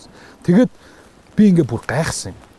Түүхийг нь хараад ингээд нөгөө туристигээд нөгөө Бурж Халифа гэж цамхаг махбаг дээр ингээд гарахад ингээд түүхийг зааж өгч юм. Тэгэхэд 1990 он гэхэд тэр газар зүгээр л юм илсэн цөл байсан бэл. Ганц хоёр барилгатай. А гэтэл 2021 он гэхэд одоо зүгээр миний бодлоор дэлхийн хамгийн супер хот. Миний хувьд яг би одоогийн байдлаар Сингапурд явж үзээгүй байна. Хонконг дээр явж үзээгүй. Гэхдээ миний очсон орнуудаас хамгийн супер нь Дубай байсан. Тэгээ тэнд надад юу хамгийн ингээд бүр сэтгэл буусан бэ гэхээр энд юу ч байхгүй газар ийм гоё зүйлсийг бүтээж бий болгож болдсон байна гэдэгт нэгдүгээрт би айгүй их бахархсан.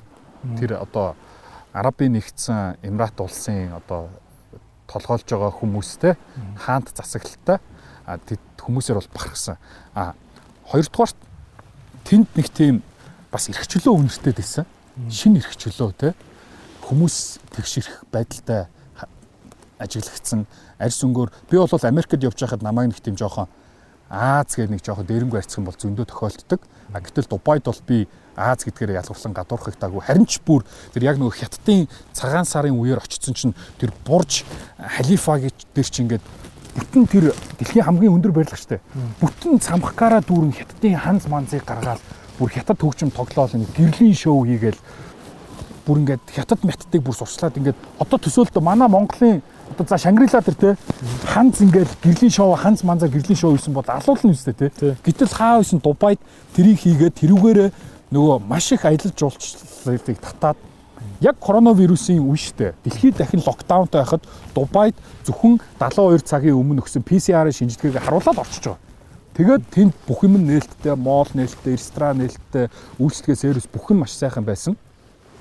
А тэгээд тэрүүгээр би яг Монголдоо бид нар яагаад чадахгүй гэж л гэж айгүй их бодсон. Тэнийг юу ч авахгүй илсэн зүйл төр хийцэн. А тэнгууд тойроод байгаа арабын орнууд бол нэг тийм бас айхтар тийм хөвчлөлтөө биш. Тэгэхээр тэд нар нэг имийг л ингээд зөв чадсан байгаа байхгүй. Тэгээ одоо Дубайд санхүүгийн бас төв байгуулагдаад тийшээ маш их одоо брокер пүүсийн компаниуд салбараа нийцсэн хөрөнгө оруулалтын сангууд маш их хөрөнгө оруулалтууд хийцэн. Тэгээ би Дубаяас тэр яг Дубайн төвөөс нь гараад 3 дахь өдөртөө тэр бүр илсэн зүйл яг одоо манай говьл гэсэн үг зэ. Тийм газар Ritz Carlton гэдэг бүр тасарсан резорт төцсөн өдрийн 1000 долларын одоо зөвхөн хонох мөнгө нь 1000 долларын үнэтэй.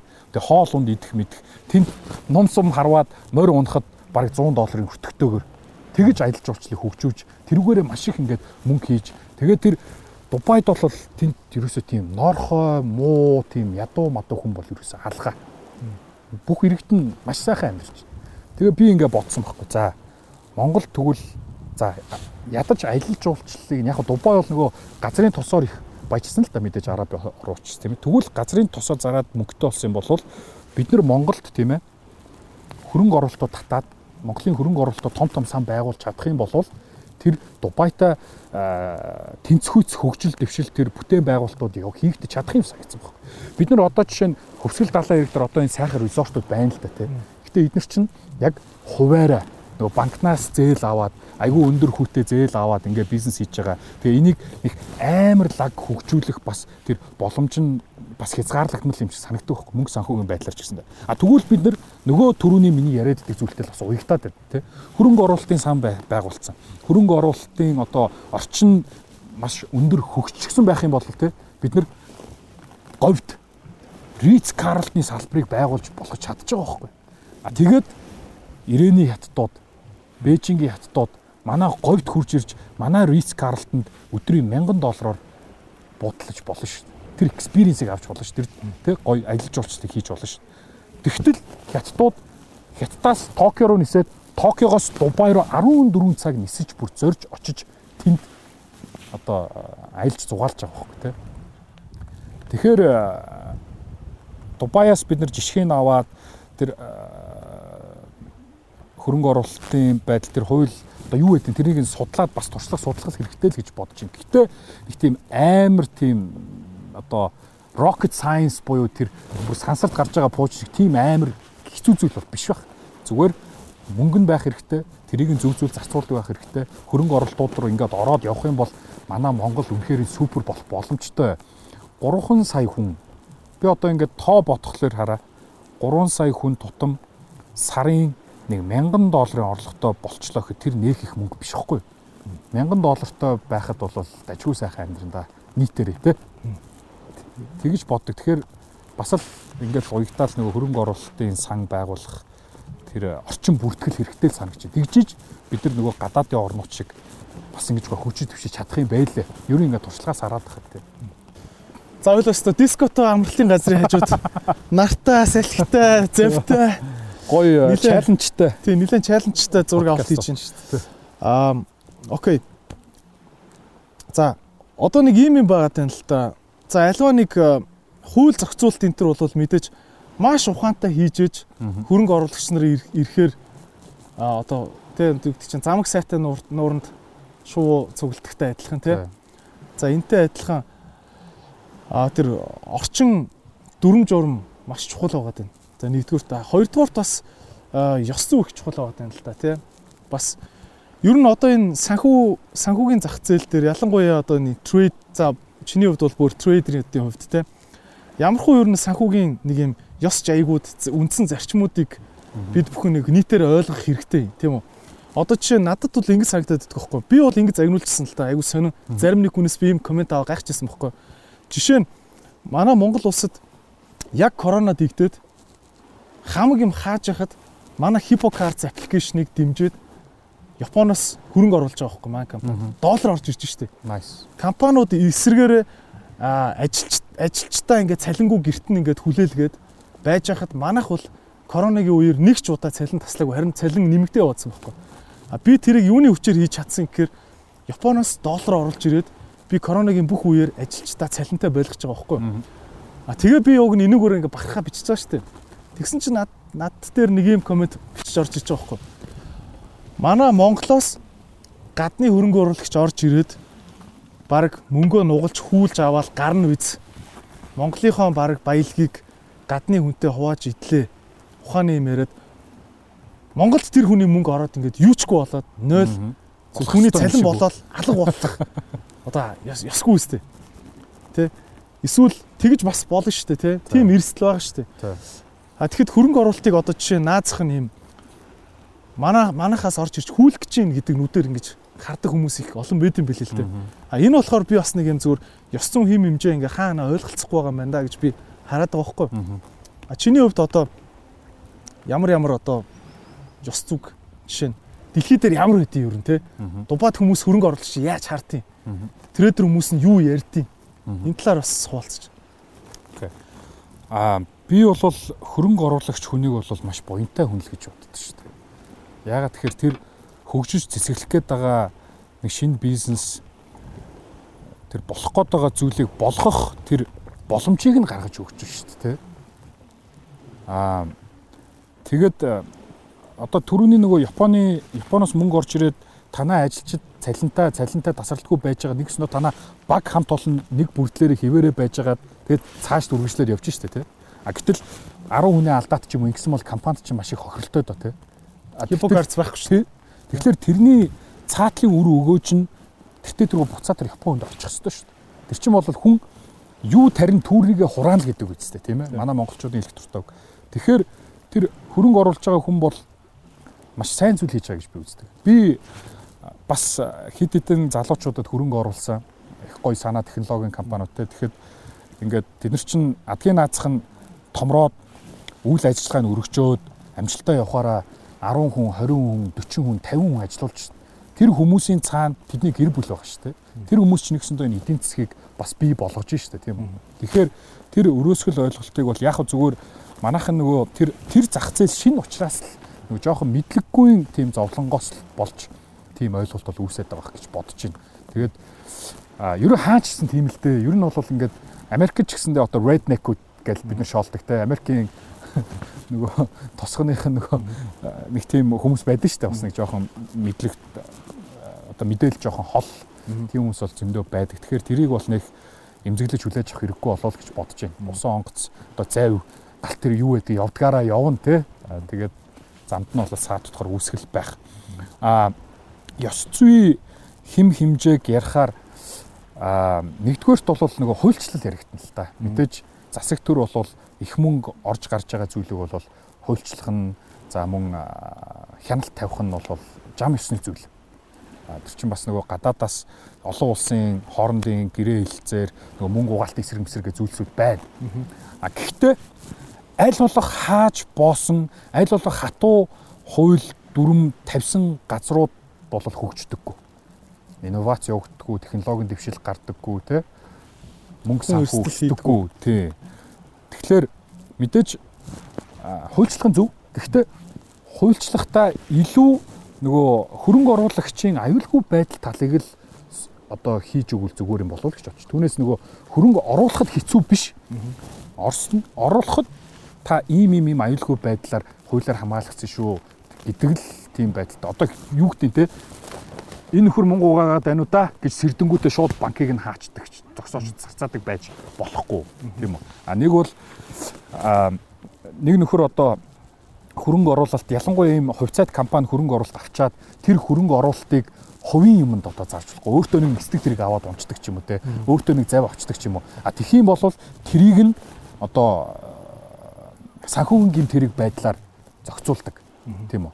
А дээрэс нь мэдээлэлд ойрхон байдлаа ашиглаж хүмүүсийг одоо төөрөгдүүлэх. Өөрөө одоо жишээ нь хувьцаагаа худалдаж авч хөөрөгдүүлчихэд илүү үнэтэйгээр гадаад гадны хөрөнгө оруулагч юм уу ер нь хөрөнгө оруулагч хүнд зарах гэдэг ч юм уу. Тэр болгоныг бол нөгөө санхүүгийн гэмт хэргийн хууль тусгаж бас хуульчлах нь зөв л дөө. Хааж боох биш аюулгүй байдлыг хангах үднэс л байх хэрэгтэй болов уу гэж бодож байна. Хөрөнгө оруулалтын тухайд шүү тийм ээ. Аа криптовалютын хуульчлалгээд одоо яригч байгаа. Одоо улсын хурлын намрын чуулганаар ер нь ороод батлагдах тийшээ хандж байгаа юм билээ. Тэгэхээр би хувьдаа криптовалютын зах зээлийг аль болох өөрөөр нь үлдээх хэрэгтэй юм болов уу гэж үздэг. Яагаад тэгэхээр криптовалют чинь тэртээ тэргүй бид нар нөгөө захирч ингэж контролдож чадахгүй зүйл хэвгүй юу? Яагаад тэгэхээр нэг төвөөс хараат бус. Тэр бүх ингээд бүртгэлийн систем юмуч ингээд өөр өөрөөр дэлхийд дахнаар тархчихсан компьютерууд дээр хийгдэж явж байгаа тийм ээ. Блокчейн гэдэг чинь өөрөө тийм. А тэгээд ингээ хяндаг нэг компани, нэг яам гэж байхгүй. А хянах тусам за хянаж болно. Хянаад олсон ашиг юунаас нь татвараа авч болно. А тэрийг хязгаарлаж зогсооно гэдэг зүйл бол боломжгүй зүйл. Бид нэр хязгаарлаж зогсоох юм бол одоо хятад криптогийн майнинг хязгаарлаж зогсоосноор өнөөдөр хятадын крипто майнерууд Тайван руу гараа явчихж байна. Таиланд руу гараа явчихж байна. Вьетнам руу гараа явчихж байна. Камбож руу гараа явчихж байгаа байхгүй. Тэгэхээр нэгсэндээ хятад тодорхой хэмжээний орж ирэх орлогоо алдчихлаа байхгүй яг үнэндээ тийм. Яг хятад маш том эдийн засаг учраас тэрийг тоохгүй байж болно. Манай Монгол шиг жижиг зах зээлийн хувьд эдийн засгаа арай нэг өөр боломж боломжоор орлого орж ирэх жахад нь тэрийг хааж боогод иж болохгүй. Тэ? Яг хав аюулгүй байдлыг хангах хэрэгтэй. А гэхдээ аль болох эрхчлөөтэй хിവэр нь үлдээх нь зөв юм болов уу гэж. Угаасаа дэлхийн улс орнууд чинь энийг хуульчлаагүй, хааж боогоогүй, ерөнхийдөө зүгээр хардсансан байдалтай байгаад шүү дээ, тийм ээ. Тэгэхэд бас манай Монгол нэг айхтар яарад тэгж одоо бас айхтар зохицуулт бол хийгээд ими болов гэдэг би байр суурьтай байдаг шүү, тийм. А тэгээд хөрөнгө оруулагч хүний ёс зүй одоо жишээ нь юу гэдэг би ингээд хүмүүсээс мөнгө босгочоод өөртөө Rolls Royce аваад унчиж болохгүй байхгүй тийм. Би хүмүүсээс босгосон мөнгөө амлсан ашгаа өгчөөд үлдэгдэл өөрийн ашгаа хувааж авчаад тэрийгээ би захиран зарцуулах бол өстой хинт ч хамаагүй зүйл шүү дээ тийм ээ. байж болохгүй нэгдүгээр хоёрдугаар хөрөнгө оруулагч нарын мөнгийг тооцоолсон эрсдлээсээ тэднэрт одоо анх хөрөнгө оруул ийм байдлаар явагдана гэж танилцуулсан эрсдлээсээ давсан эрсдэл рүү гаргаж болохгүй. Аа мөн шал өөр прожект руу оруулчих болохгүй. Жишээ нь гэдэг амар гоё юм ярьжсэн аа мөнгөний авангуудаа банк бос руу хийждэг ч юм уу те. Тиймэрхүү тиймэрхүү этикийн асуудлууд угаасаа гарч ирдгэлтэй гарч ирнэ. Угаасаа байсаарч байдаг. Дэлхийн томоохон улс орнуудад ч гэсэн тийм одоо зүйл болдсон шүү дээ. Берни Мэдоф гэдэг Понзи схемийн бүр хаан бүр хитэн тэрбум доллар бүр орж гарч хүмүүс бүр мөнгө өгөө гуйж барьж авсан. Гэтэл мань хүн дээр орсон хүмүүс нь доор орсон хүмүүсийн мөнгийг тарааж өгчөө суужсэн шүү дээ. Тэгэхээр тэр бол яг нөгөө хүн байгаа цагт мэдээж ёс зүйгүй үйлдэл болол гарах болно. А гэхдээ а би бол юу гэдэг жишг болох гэж л одоо бас үзэж байна да. За одоо тэгээд мөнхчин мөнхчин ахыг ингээл дагж байгаа гэж зөндөө олон хүүхдүүд байгаа бах тийм. За яг чи ингээд дүүгээгээ бодоод хэлвэл. Өнөөдөр яг миний подкастын уламжлал асуулт тийм. Аха. Яа ингээд 17-той за 21-тэй хоёр дүү чи орж ирлээ. Боломж л зөндөө байгаа тий. А чи юу сур гэж хэлэх үү? Яаж цаг ашигла гэж хэлэх байсан бэ? Окей. А хамгийн нэгдүгürt англи хэл маш сайн сур. Бүр ингээд профешнл бүр мэрэгжлийн төвшин мэдээ мэдээл уншаад тэрийг ойлгочдаг эдийн засгийн хэллэг мэлэг юутай хитэн сур. Тэгсэн цагт интернет руу ороод мэдээ мэдээллүүд бүр ингээд маш их зүйл ингээд нээлттэй болж. Тэрийг уншиж явж байгаад харж явж байгаад өөрөө боломжийг бол олоод харчин зэрэглэн юм бол тийм ээ. А хоёрдугаар код ойлгохдаг байх хэрэгтэй. Код баг бичээ сурчих хэрэгтэй гэж үзэж байна. Одоо бүхэл юм дижитал болоод бүхэл юм онлайн болоод ингээд өөрчлөгдөд байна шүү дээ тийм ээ. Тэгэхээр ялангуяа энэ технологийн компаниуд бол одоо ингээд зайнаас маш их хүмүүс ажилуулдаг болчихсон аутсорс хийгээд. Тэгээ одоо манай нэг найз одоо энэ хүртэл амраад явж штэ Amazon ажилтдаг залуучууд зайнаас Монгол төрээд ингээд бүтэн нэг жил ажилласан явж штэ тий. Тэгэхээр маш их боломж байгаа. Тэгэхээр ер нь энэ трендэд даг. Англи хэлээ сур дэлхий флат хавтгай болчихсон. Тийм учраас тэр хавтгай дэлхий рүү гарахын тулд хэл хэрэгтэй. Хоёрдугаарт угаасаа технологи, cryptocurrency энэ бүх зүйл бол үргэлжлээд хөгжөөд дэвшээд маш их боломжууд энэ дээр гараад явна. Тэгэхээр код ойлгохдаг сурдаг болчих. Технологи сайн ойлгохдаг болчих. Тэгэл болоо. Тэгээ ер нь бол нэлээд их боломжууд бол нэгтчихэндээ. Тий. За баярлалаа мөнхчөө. Тэгээд амжилт хүсье. Цаашдаа тэгээд мөнхчин бүгдээр инстаграмыг нь дагаараа дэ мөнхчин гэдээ байгаа тий. Дэ мөнхчин. Дэ мөнхчин гэдэг нь ганцхан мөнхчин гэсэн үг. За тэгээд улам илүү мэдээллүүдийг тэгээд мөнхчингийн хуудаснаас аваараа тэгээд өнөөдөр хоёлоо бас нилээн байгалийн гой нөхцөлд ярьсан. Ямар амар хурдан явчихна бэ те цагч. Тийм үү. Зөндөл ярих юм байла тэгээд. Тэгээ гэр бүлд нь наад шаардлага өгч. За баярлалаа найз минь. За подкастт байгаа үрж болчихсон те.